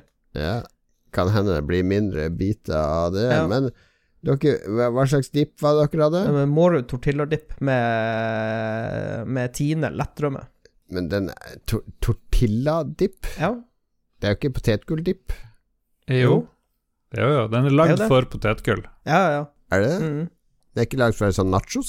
Det er, det er, det er tortilladipp tortilladip til potetgull. Mårud sin. Dette er jo en av de klassikerne som har vært siden 80-tallet. Den og, hol- sikkert. den og Holiday er liksom de to klassikerne til potetgulldip. Er det det? Ja, vi lager bare dipp sjøl, fra scratch, Ja. hjemme hos oss, med rømme og Ja, den, den står og rett ved siden av potetgullet, og, og så kjøper du tre av den, liksom. Og så står det et sånn lite kjøleskap med rømme rett ved siden av. Ja. Jeg trodde den var bare for tortilla, ikke til potetgull. At det var forskjell på det. Men tortilla er jo mye tjukkere, ikke sant. Det er mer sånn Det er sånn mellomting mellom kjeks og potetgull. Det, jeg, jeg er ikke noe glad i tortilla. Det, det er litt for tjukke for meg. Den heter Tortilla Dip Mix. Jeg skal finne bildet til deg, Cato. Hvor mange ganger må vi si det? Det er lagd for potetgull. Den, Jon Cato. Ja, jeg ser det. Mm. Det er jo måret Til og med bilde av et potetgull og Ja, det er, en, det, det er en til jalapeño. Og den, den passer veldig bra til salt og pepper, hvis jeg må si det. Den Ja. Veldig. Så det er egentlig må flere si anbefalinger men i Du kan få lov til å si det. om, jeg, om jeg så må si det, så passer den veldig godt. Det var litt sånn kulinarisk episode. Apropos kulinarisk, Ja, ja, eh, ja, Cato, ja, hva, ja. du, hva du har på hjertet? Jo, jeg er meget eh, kulinarisk eh, denne episoden. Eh, endelig opplevd noe nytt, fordi min sønn ble jo tolv år på fredag. Og så på lørdag skal jeg få lov å velge hva du vil ha som bursdagsmiddag i helga, da. Og som alle barn på tolv år, ikke sant, det er jo sånn pizza fra, fra sånn pizzaleverandør er jo best. Jeg syns jo ikke det nå i voksen alder. Jeg syns jo Synne, min kone sin hjemmelagde pizza er den beste, med kjøttdeig og løk og hjemmelagd bunn og alt sånt. Ja, det er fantastisk. Så jeg vil jo helst ha det, men greit, han ville ha sånn pizza fra Dominos. Og Dominos er jo ikke Altså, det verste pizzalevereren er jo pizzabakeren. Det er som å spise papp. Det er Det er kjip pizza. salt og fett. Det er veldig salt. Ja, den er dårlig. Og Dominos er hakket bedre, syns jeg. Eh, Men det er jo ikke noe sånn eh, å rope hurra for. eh, Noen av de. Men så hadde eh, kona mi oppdaga Hun har sett reklame i 71 grader nord at Hellstrøm hadde samarbeida med Dominos, altså han Eivind Hellstrøm, kokken, om å lage tre pizzaer for de, da. Som sikkert er sånn limited time! Ja, Hellstrøm Hvis han har bare lagd tre pizzaer, så er det jo veldig limited, vil jeg si. Da må det jo være tidlig, ute.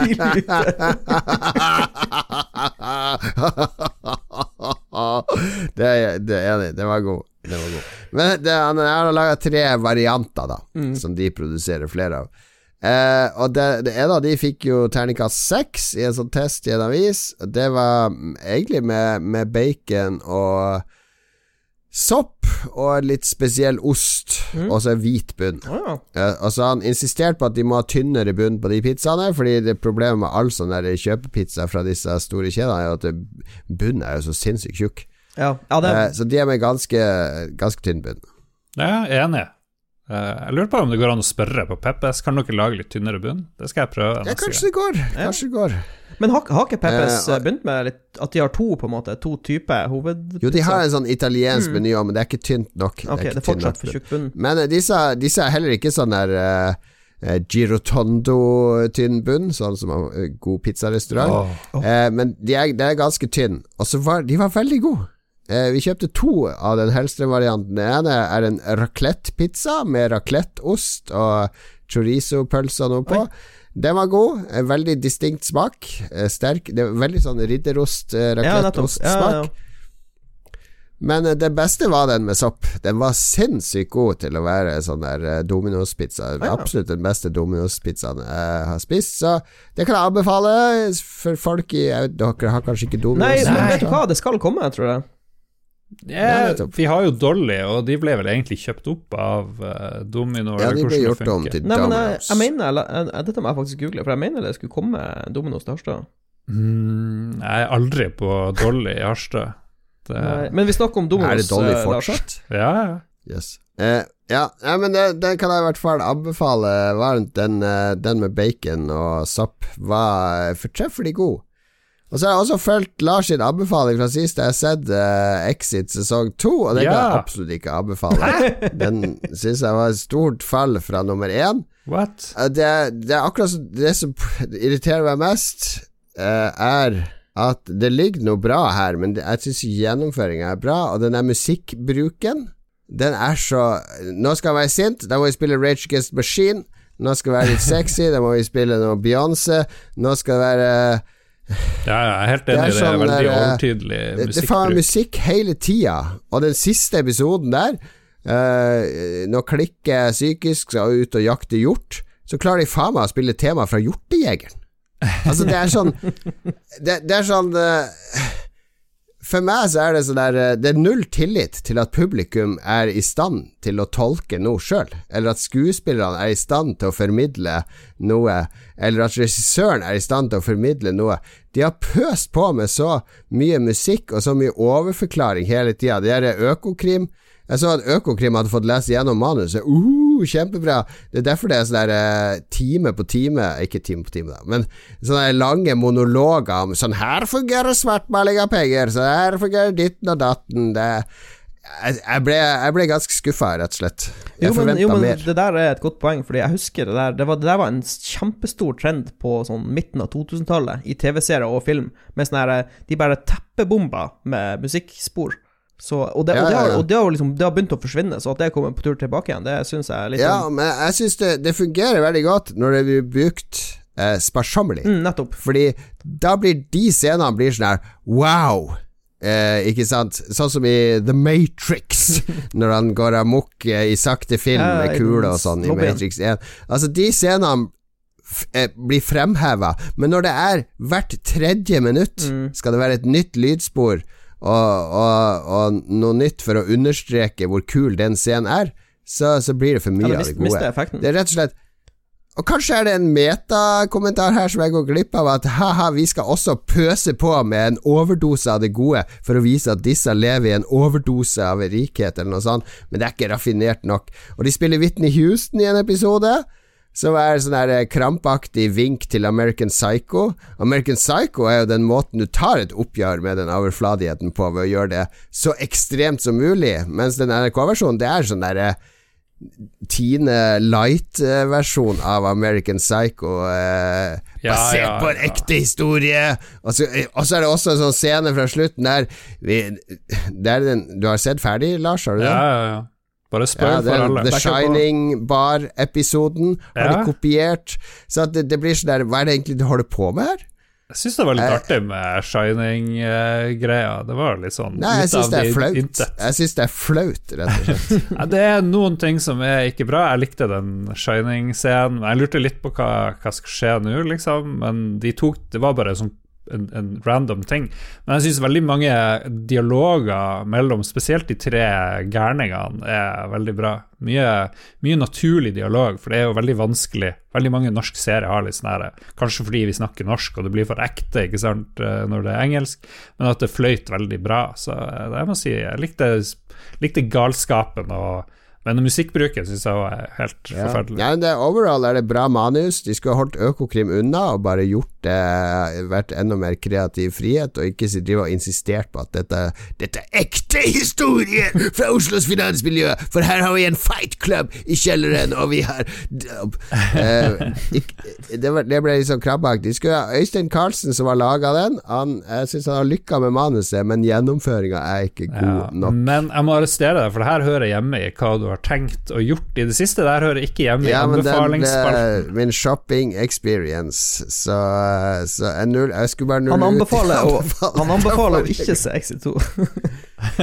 Nei, da, jeg, nå har jo hele Norge sett den, så nå er det jo Skaden er. Lahlum posta på Twitter i går at uh, han var enslig mann i 40-årene, hadde ikke hatt besøk av venner på fire måneder. Eh, Og hadde ikke sett Exit 2, så han var vel såpass utafor samfunnet som det gikk an å være. Men det gjorde ingenting, for da satte han i gang med nytt bokmanus.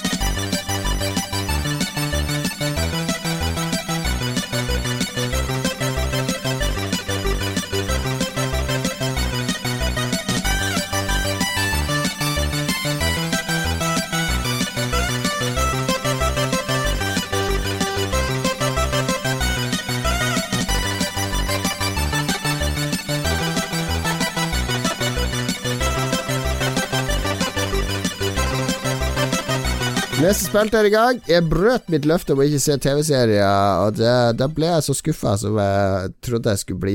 Kanskje var det en sånn selvoppfyllende profeti? Kanskje jeg bare ville at det skulle være dårlig? Mm, Jeg vet ikke. ja. Du Bra, bra til å være norsk, var det som slo meg gjennom hele greia. ja, jeg er litt enig. Eh, Lytterspalten. Alexander Kvalvik Hagestad, bror til Gusta Hakestad, vår gode kompanjong og partner i Red Crow. Eh, han eh, sier at hans første minne må ha vært Castle Adventure på en IBM 286, som søstera til Hadvi bodde hos hadde. Ok, ja, Vi snakker om første spillminne. Det er det. Første spillminne Hvorfor heter det 86, Mats? Vet du det? 486, 386, Ja, det har med, det har med arkitekturen, altså X86. Det er et eller annet Ja, noe med CPU-arkitekturen er X86. Men finnes det en X85, 84, 83 osv. også? Jeg må på Er det grunn til at det stopper på 86? spørsmålet. Men jeg lurer på Han sier 'til han vi bodde hos'. Er det ikke foreldrene? Hvem, hvem var det de bodde hos? Søstera til han vi bodde hos. Ja, det kan være at du åpner en can of worms her, som skulle vært Men søstera til han vi bodde hos, hadde det, så Ja. vi, vi lar det stå med Ja. det. Det fins mange konstellasjoner. Det er sant, det er sant. Vi moser Hva var det første dere eh, Bare for å En avsporing. Hva var det første dere spilte på PC? For det tror jeg må ha vært Det- Prince of det- Persia eller noe sånt. Det er litt morsomt. Jeg eh, spilte også Mitt første PC-spill var også på en IBM 286. Den ene kompisen min i Stavanger, eh, foreldrene hans, hadde en IBM 286, og så hadde de en sånn monokromskjerm som bare hadde grått, eh, gråtoner. Og da spilte vi eh, Scorched Earth, tror jeg det var. med de her eh, tanksene, eller de her kanonene som driver og skyter på hverandre. Ja, ja, ja. Det var et fantastisk spill. Den første PC-en jeg spilte på, var det min onkel Helge, som var sjef for Tollpost Globe i Harstad i mange år. Han var veldig datainteressert, så han hadde, han hadde en Texas Instruments eh, hjemmedatamaskin på slutten av 70-tallet, og der var det en sånn scramble-kopi, et sånn romskip som fløy bortover mot høyre, som kunne slippe bombe og skyte rett frem. Ja, ok. Han Torbjørn Praus Skau sier at det er umulig å huske. Det kan ha vært Rick Dangerous på Commodore 64, eller Ducktales og Ghostbusters 2 på Nes hos kompiser, men han tenker det er Scorched Earth på Toshiba, sikkert 286, også hos en kompis. Og så spilte han Alleycat eh, tidlig, mener han å huske. Oi, oi, oi. Alleycat. Men det spørs hvilken Alleycat det var. Var det han som lagde Paradroid og Uridium lagde et spill som het Alleycat? Eller så var det vel også et med en sånn uh, tegneseriekatt som eh, Ja. Ikke at det er så viktig. Jeg skjønner ikke hvorfor jeg tok det opp i det hele tatt. Men det var Scorch Earth igjen for Torbjørn. Og Rick Dangerous på Commodore 64 Er Torbjørn så ung? For Rick Dangerous er noe jeg husker fra da jeg var 14 eller noe sånt. Ja. Han er ung, men gammel innvendig. Paul René Jørgensen, Zorgons Revenge på Orik 1. Jeg tror bare han dikter opp ting her. eh. Ja, Det finnes noen videoer av Sorgons Revenge, og cover er jo helt knall, med noen sånn aliener og en prinsesse og sånn. Men Orik 1, hva var det for en maskin, karer? Nei, det aner jeg ikke. Aldri hørt om.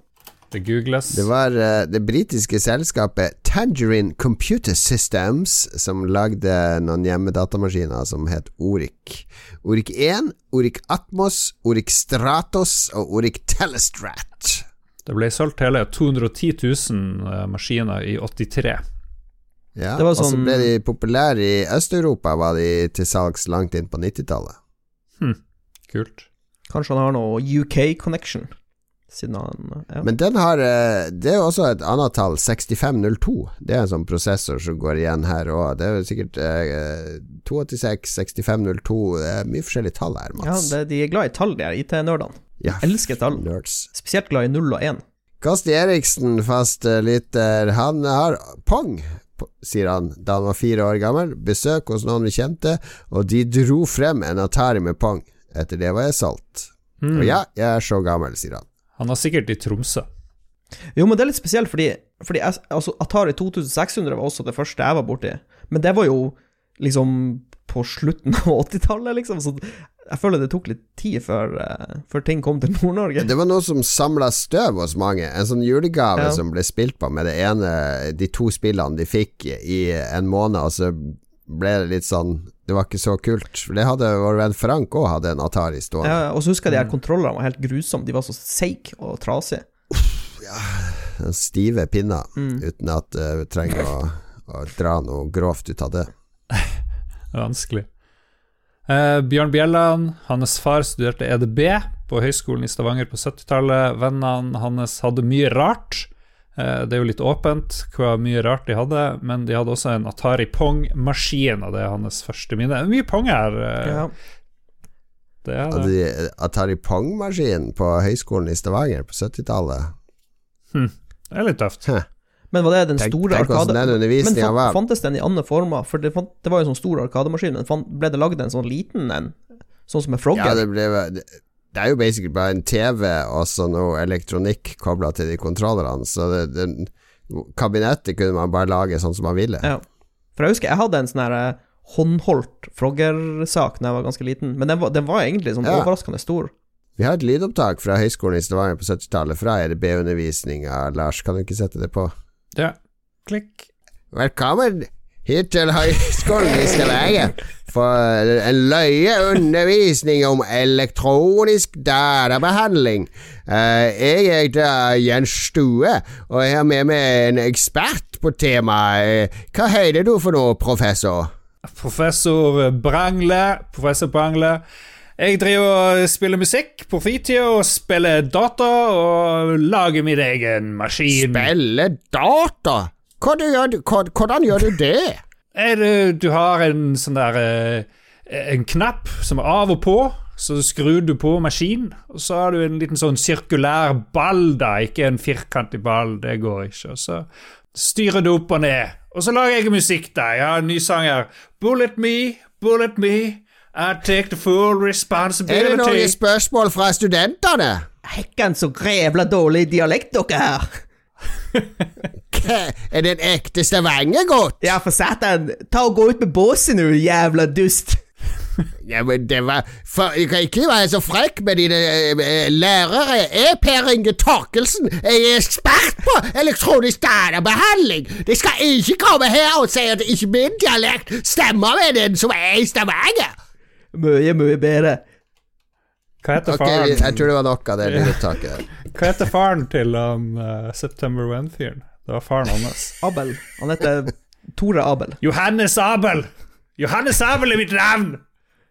Bullet me! Bullet me! Du får det, Lydopptaket stoppa nå.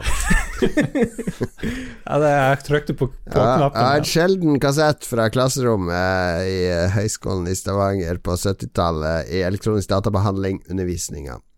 Alexander Gosling hadde spilt Space Invaders på en arkademaskin, sier han. Eh, Det er det nok eh, mange som har Ja, gjort. enkelt og greit. ja, det er jo faktisk eh, halvbroren til Ryan Gosling, Alexander Gosling, så det er litt Ja. tøft.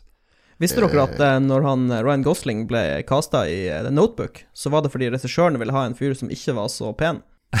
What? Var det det? Og det, det er seriøst. Så det er bare å føle oss som veldig stygge personer. Ja, det ikke blitt der, Mats, fordi herregud så mye skryt du fikk for ditt uh, potensielle ja, fikk- Tinder. fikk- Det her er jo bare å komme seg på Tinder, Mats. Jeg fikk Mats. til en bra sånn her blue steel uh, Men det er jo ikke sånn jeg ser ut. Jeg juksa jo. Det var jo bare vinkler og eh, innsuging av kinn, og det var jo bare juks. Det er lov. Samme her. Presentation is everything. Uh, han, han Christian Tjessem sier at de har snakket om det her i Ragequit Origins for ikke så altfor lenge siden, så det er ganske ferskt i minnet. Og han er ganske sikker på at det er Space Invaders på Cocktail Table Arcade på Sola strandhotell i 79 eller 80. ja, veldig spesifikt. Det er, det, er, det, er, det er jo når skjermen er innebygd i glassbordet, sånn at du sitter og stirrer på bordet når du Jeg spiller. forstår. Så kan du ha drinker og sånn rundt, sånn som de har på Tilt. Ja, ja, men det er jo et bra jeg mener å huske at de hadde det på Tilt, for nå er det 2000 år siden jeg var på Tilt, så jeg tror de hadde det der. Kristian Kjessem sippa korona og spilte cocktail-arkade. Morsomt! Marius Haug Skogeker, Dynamite Ducks ca. midten av 80-tallet. Vil tro det var på Amiga. Hm. Jeg har Hva var Dynamite Ducks for noe? Dynamite Ducks? Nei, si det. må googles. Et Sega-spill, ser jeg her. Nettopp. Dynamite Ducks Halvobskurt Sega-spill. Vi lærer. Vi er godt at vi også kan være lærende i, i podkasten. Uh, Nestemann ut er jo han Alf Inge Wang. Jeg har vært gjest i Spillrevyen og eh, en meget kunnskapsrik fyr. Han tror det må være en arkademaskin på et fergeleie et sted. Og en svart-hvitt-versjon av Asteroid i et liggende kabinett, altså cocktailbord der man kunne spille eh, to spillere på hver side. Grafikken var vektorgrafikk og ikke basert på sprites. Asteroid var jo eh, Den og Space Invaders var, eh, var jo vel de to virkelig store på slutten av 70-tallet. Mm. Ja. Før Pacman kom på 80-tallet. Kristoffer Getterboys Hansen eh, sier eh, 'Prins of Persia hos naboen. Kom aldri i mål, så han husker piggene best. Det var jo Jeg husker jeg spilte, Vi spilte mye Prins of Persia på PC, husker jeg. Det var stor moro. Det var, eh, Animasjonene var jo grensesprengende. Han Jordan Mechner eh, skapte virkelig gull med det spillet. Ja. Ja, han filma broren sin, var det, som sprang rundt, og så tegna han og ordna.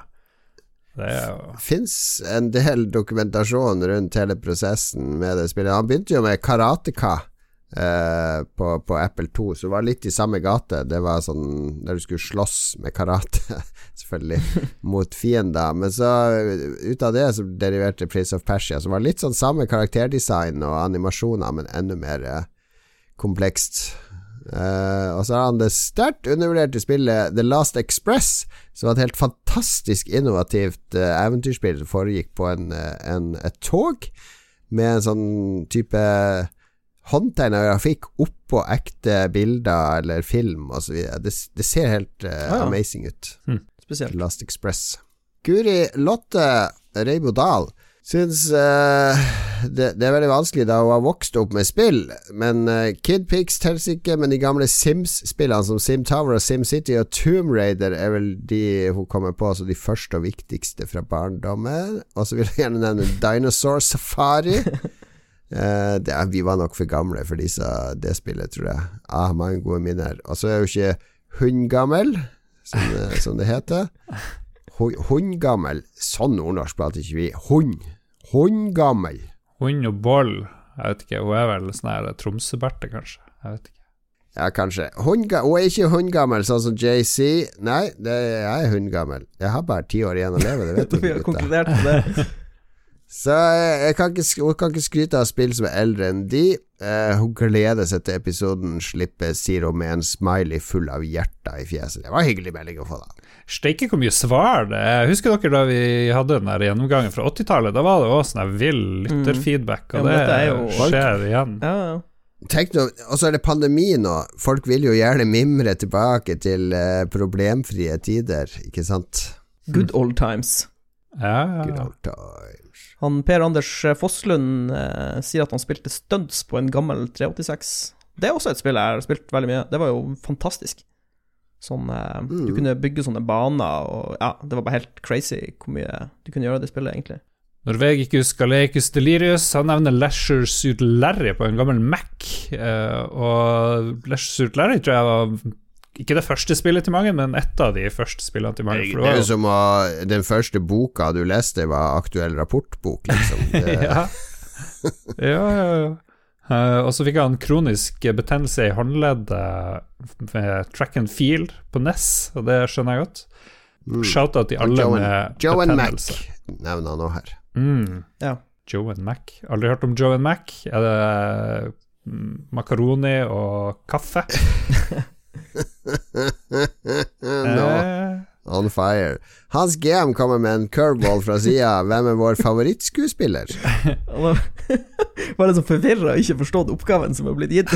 Ja, ja, men jeg, det, jeg sa jo i spørsmålet at uh, om du har andre innspill, sleng de ah, med. sånn, ja. Okay, ja. Uh, Eh, Jeg Kurt, tenker mye eh, Kurt på Russell. Åh, Kurt, Kurt Russell. Kurt Russell. Kurt, Kurt Russell.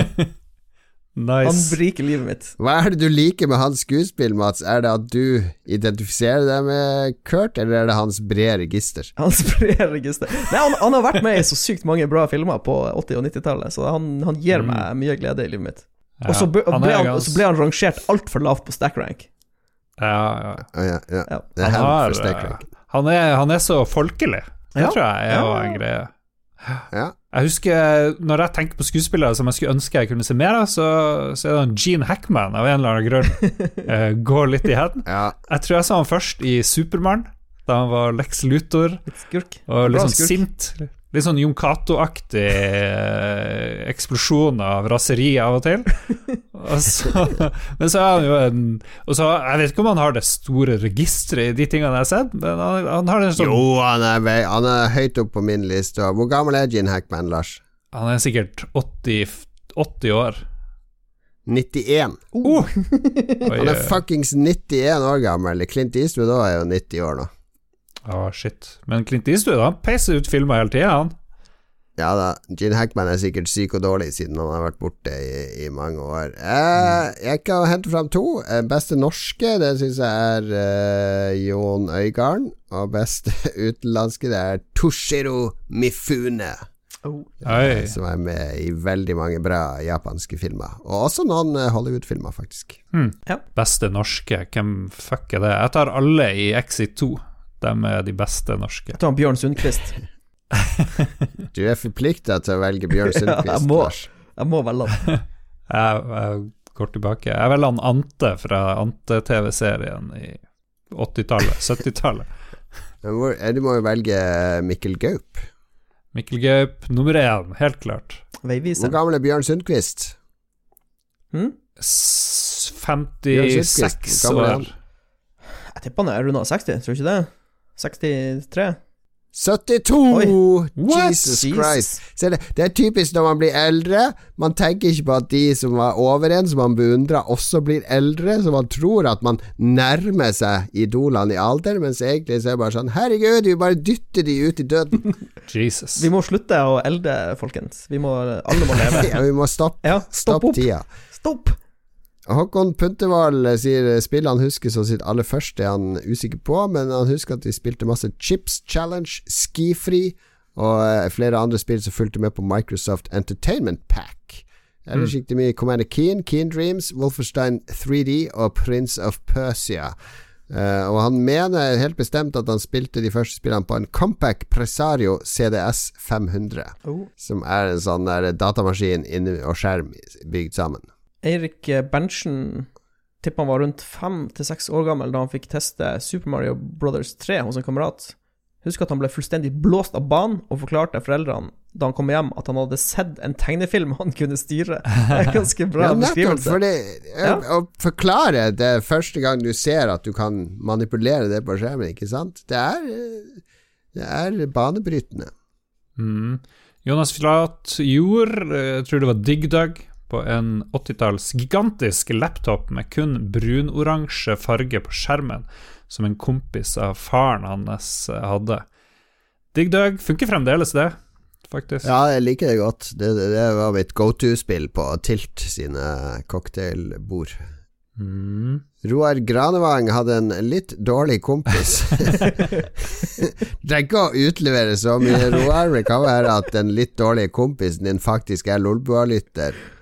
Eh, eventuelt så vet Roar at den kompisen er død, så han kan ikke høre dette og blir ikke fornærma. Men han hadde en litt dårlig kompis som hadde en Commodore 64 med Ghost and Goblins, som ga mersmak. Mm. Man møtte flere dårlige folk når man var liten, for man hadde liksom ikke det der eh, kritiske filteret. Du hang liksom med dem du hang med. Jeg så husker det var sånn her, det var sånn her superlav terskel. Det var sånn her Så lenge de bare var pluss minus fire år i din egen alder, og bare bodde i regionen, så var det nok til at du kunne bare gå inn i huset deres. 'Å, har du en Atari 2600?' Ja, men da går vi ned i kjelleren din og prøver den. Jeg bare har møtt deg en gang før, men det går sikkert fint. Det er spesielt. Det er slutt på det. Måtte jo sosialisere sånn før. Mm. Eh, Joakim Strandberg eh, fikk spille bilspill på faren sin Windows-maskin i 92-93. Det var ganske gøy. Men som nysgjerrig seksåring klikka han seg rundt og endte opp langt inn i en database han hadde lagd i forbindelse med hovedoppgave, og fucka til major. Og så fikk han ikke lov til å spille uten tilsyn i et års tid etter det. Da er det viktig å ta backup av arbeidet ditt. Faren til Stakkars. Ja, det var ikke noe cloud i 92-93. Det var ikke noe cloud backup. Det er sant. Skal vi se Håkon Purtervold er tilbake. Ja, han roper 'play, play, play'! Går av stabelen samme dag som dere spiller inn. Å ja, ok. Kai Håkon Eriksen, eh, fem-seks år, bodde i Alta. Shout-out i Alta rundt 2000-tallet. Hadde ingen konsoller på den tida sjøl, men nabogutten hadde PlayStation 1 og Nintendo 64 samt SNES. Husker vi brukte mange timer foran skjermen med Crash Bandicoot, Golden Eye, 64, Final Fantasy 7 og et SNES-skuterspill som sikkert var bestilt fra Husker du jeg nevnte det? At jeg ble nedringt av folk fra eh, Finnmark som bare 'Har dere det SNES-skuterspillet på PlayStation 2? Kan du sende det til meg?' Der, ser du, det stemte!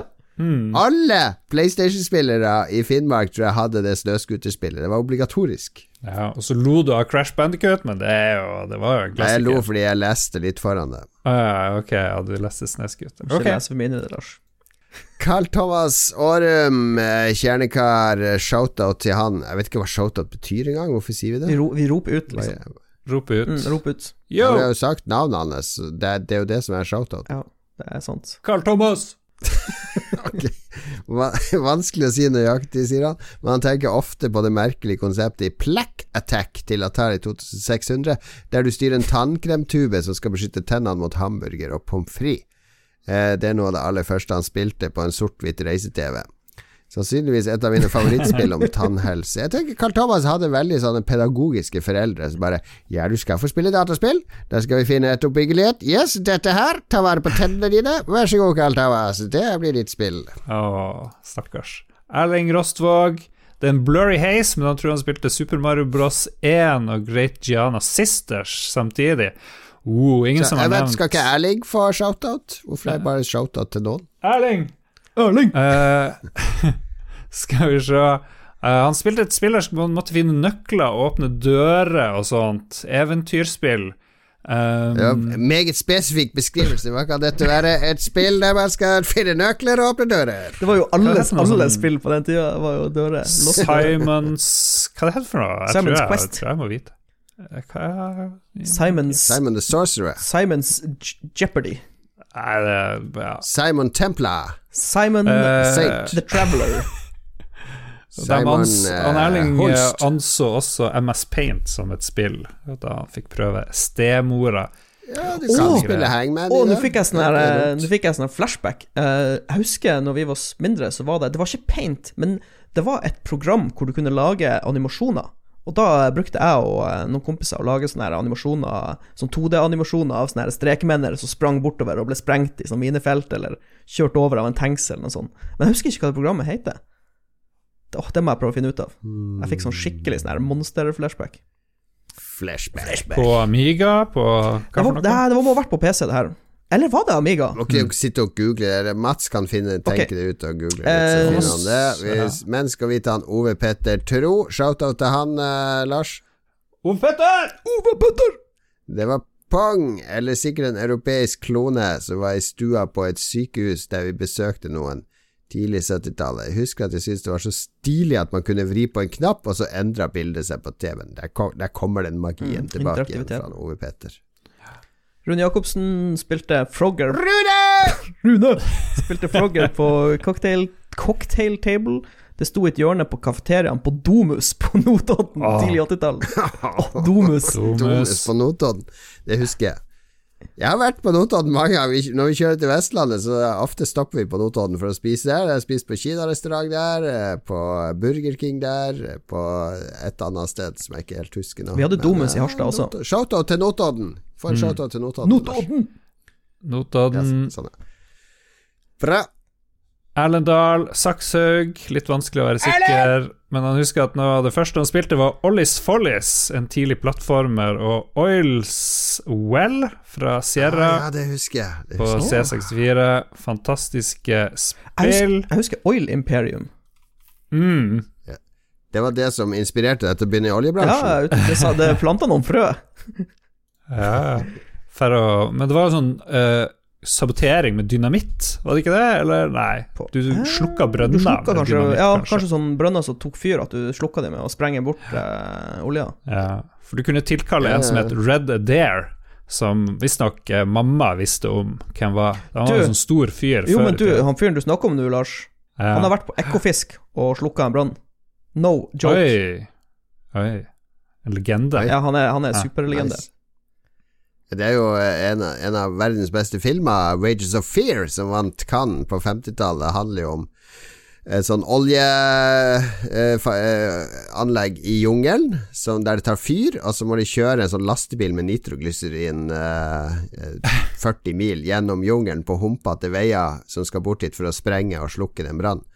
Eh, Så det er sånn selvmordsoppdrag. Og den igjen inspirerte William Friedkin sin film 'Sorcerer' på 70-tallet. Han som lagde 'Eksorsisten', mm. som har akkurat samme plott. Så det der med å sprenge oljebranner, det Han, Ja, eh, det han, han Red Adair og han Boots Hansen var på Ekofisk Bravo og slukka en sånn blowout. Boots Hansen? Ja, det var eh, Seriøst, det er brønndreperne, ble de kalt. Ja, ja, ja. Tenk det, det er sikkert som en actionfilm når de kommer, ankommer i helikopteret, kommer de ut, de har litt sånn rare klær, Han har på seg de er litt sånn sære originaler.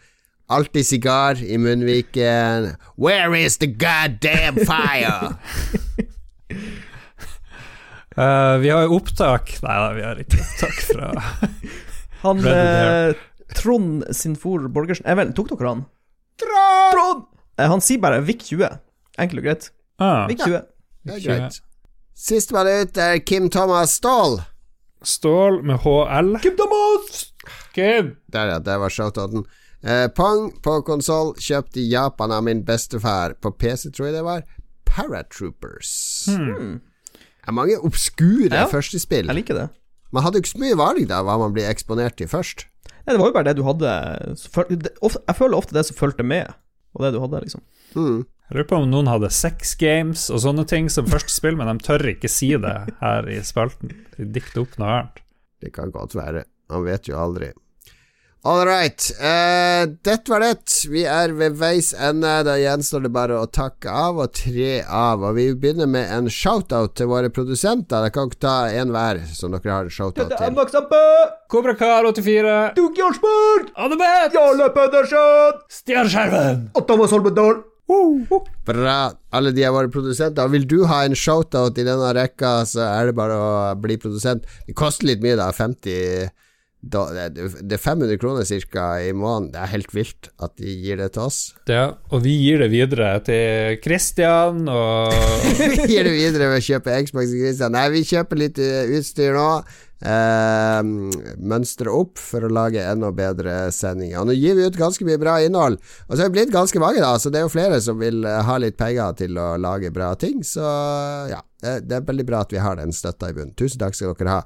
Og dere kan støtte oss på Patrion.com slash lolbua. Shoutout til Patrion. Patrion. Patrion! Eh, ellers så samarbeider vi jo med Pressfire. Shoutout til dem. Pressfire. Pressfire! Vi har flere andre podkast, blant annet Podcast. uh, Spillrevyen Spillrevyen. og Ragequit. Ragequit. Og Likos univers. Likos univers. Mye da. Veldig bra shoutouts. Og så må jeg ta en shoutout til uh, landsmoderen Erna, som var på hytta. Erna, du må ikke være på Geilo og feire 60-årsdagen med 14 mennesker. Erna, Erna, Erna, Erna, Erna.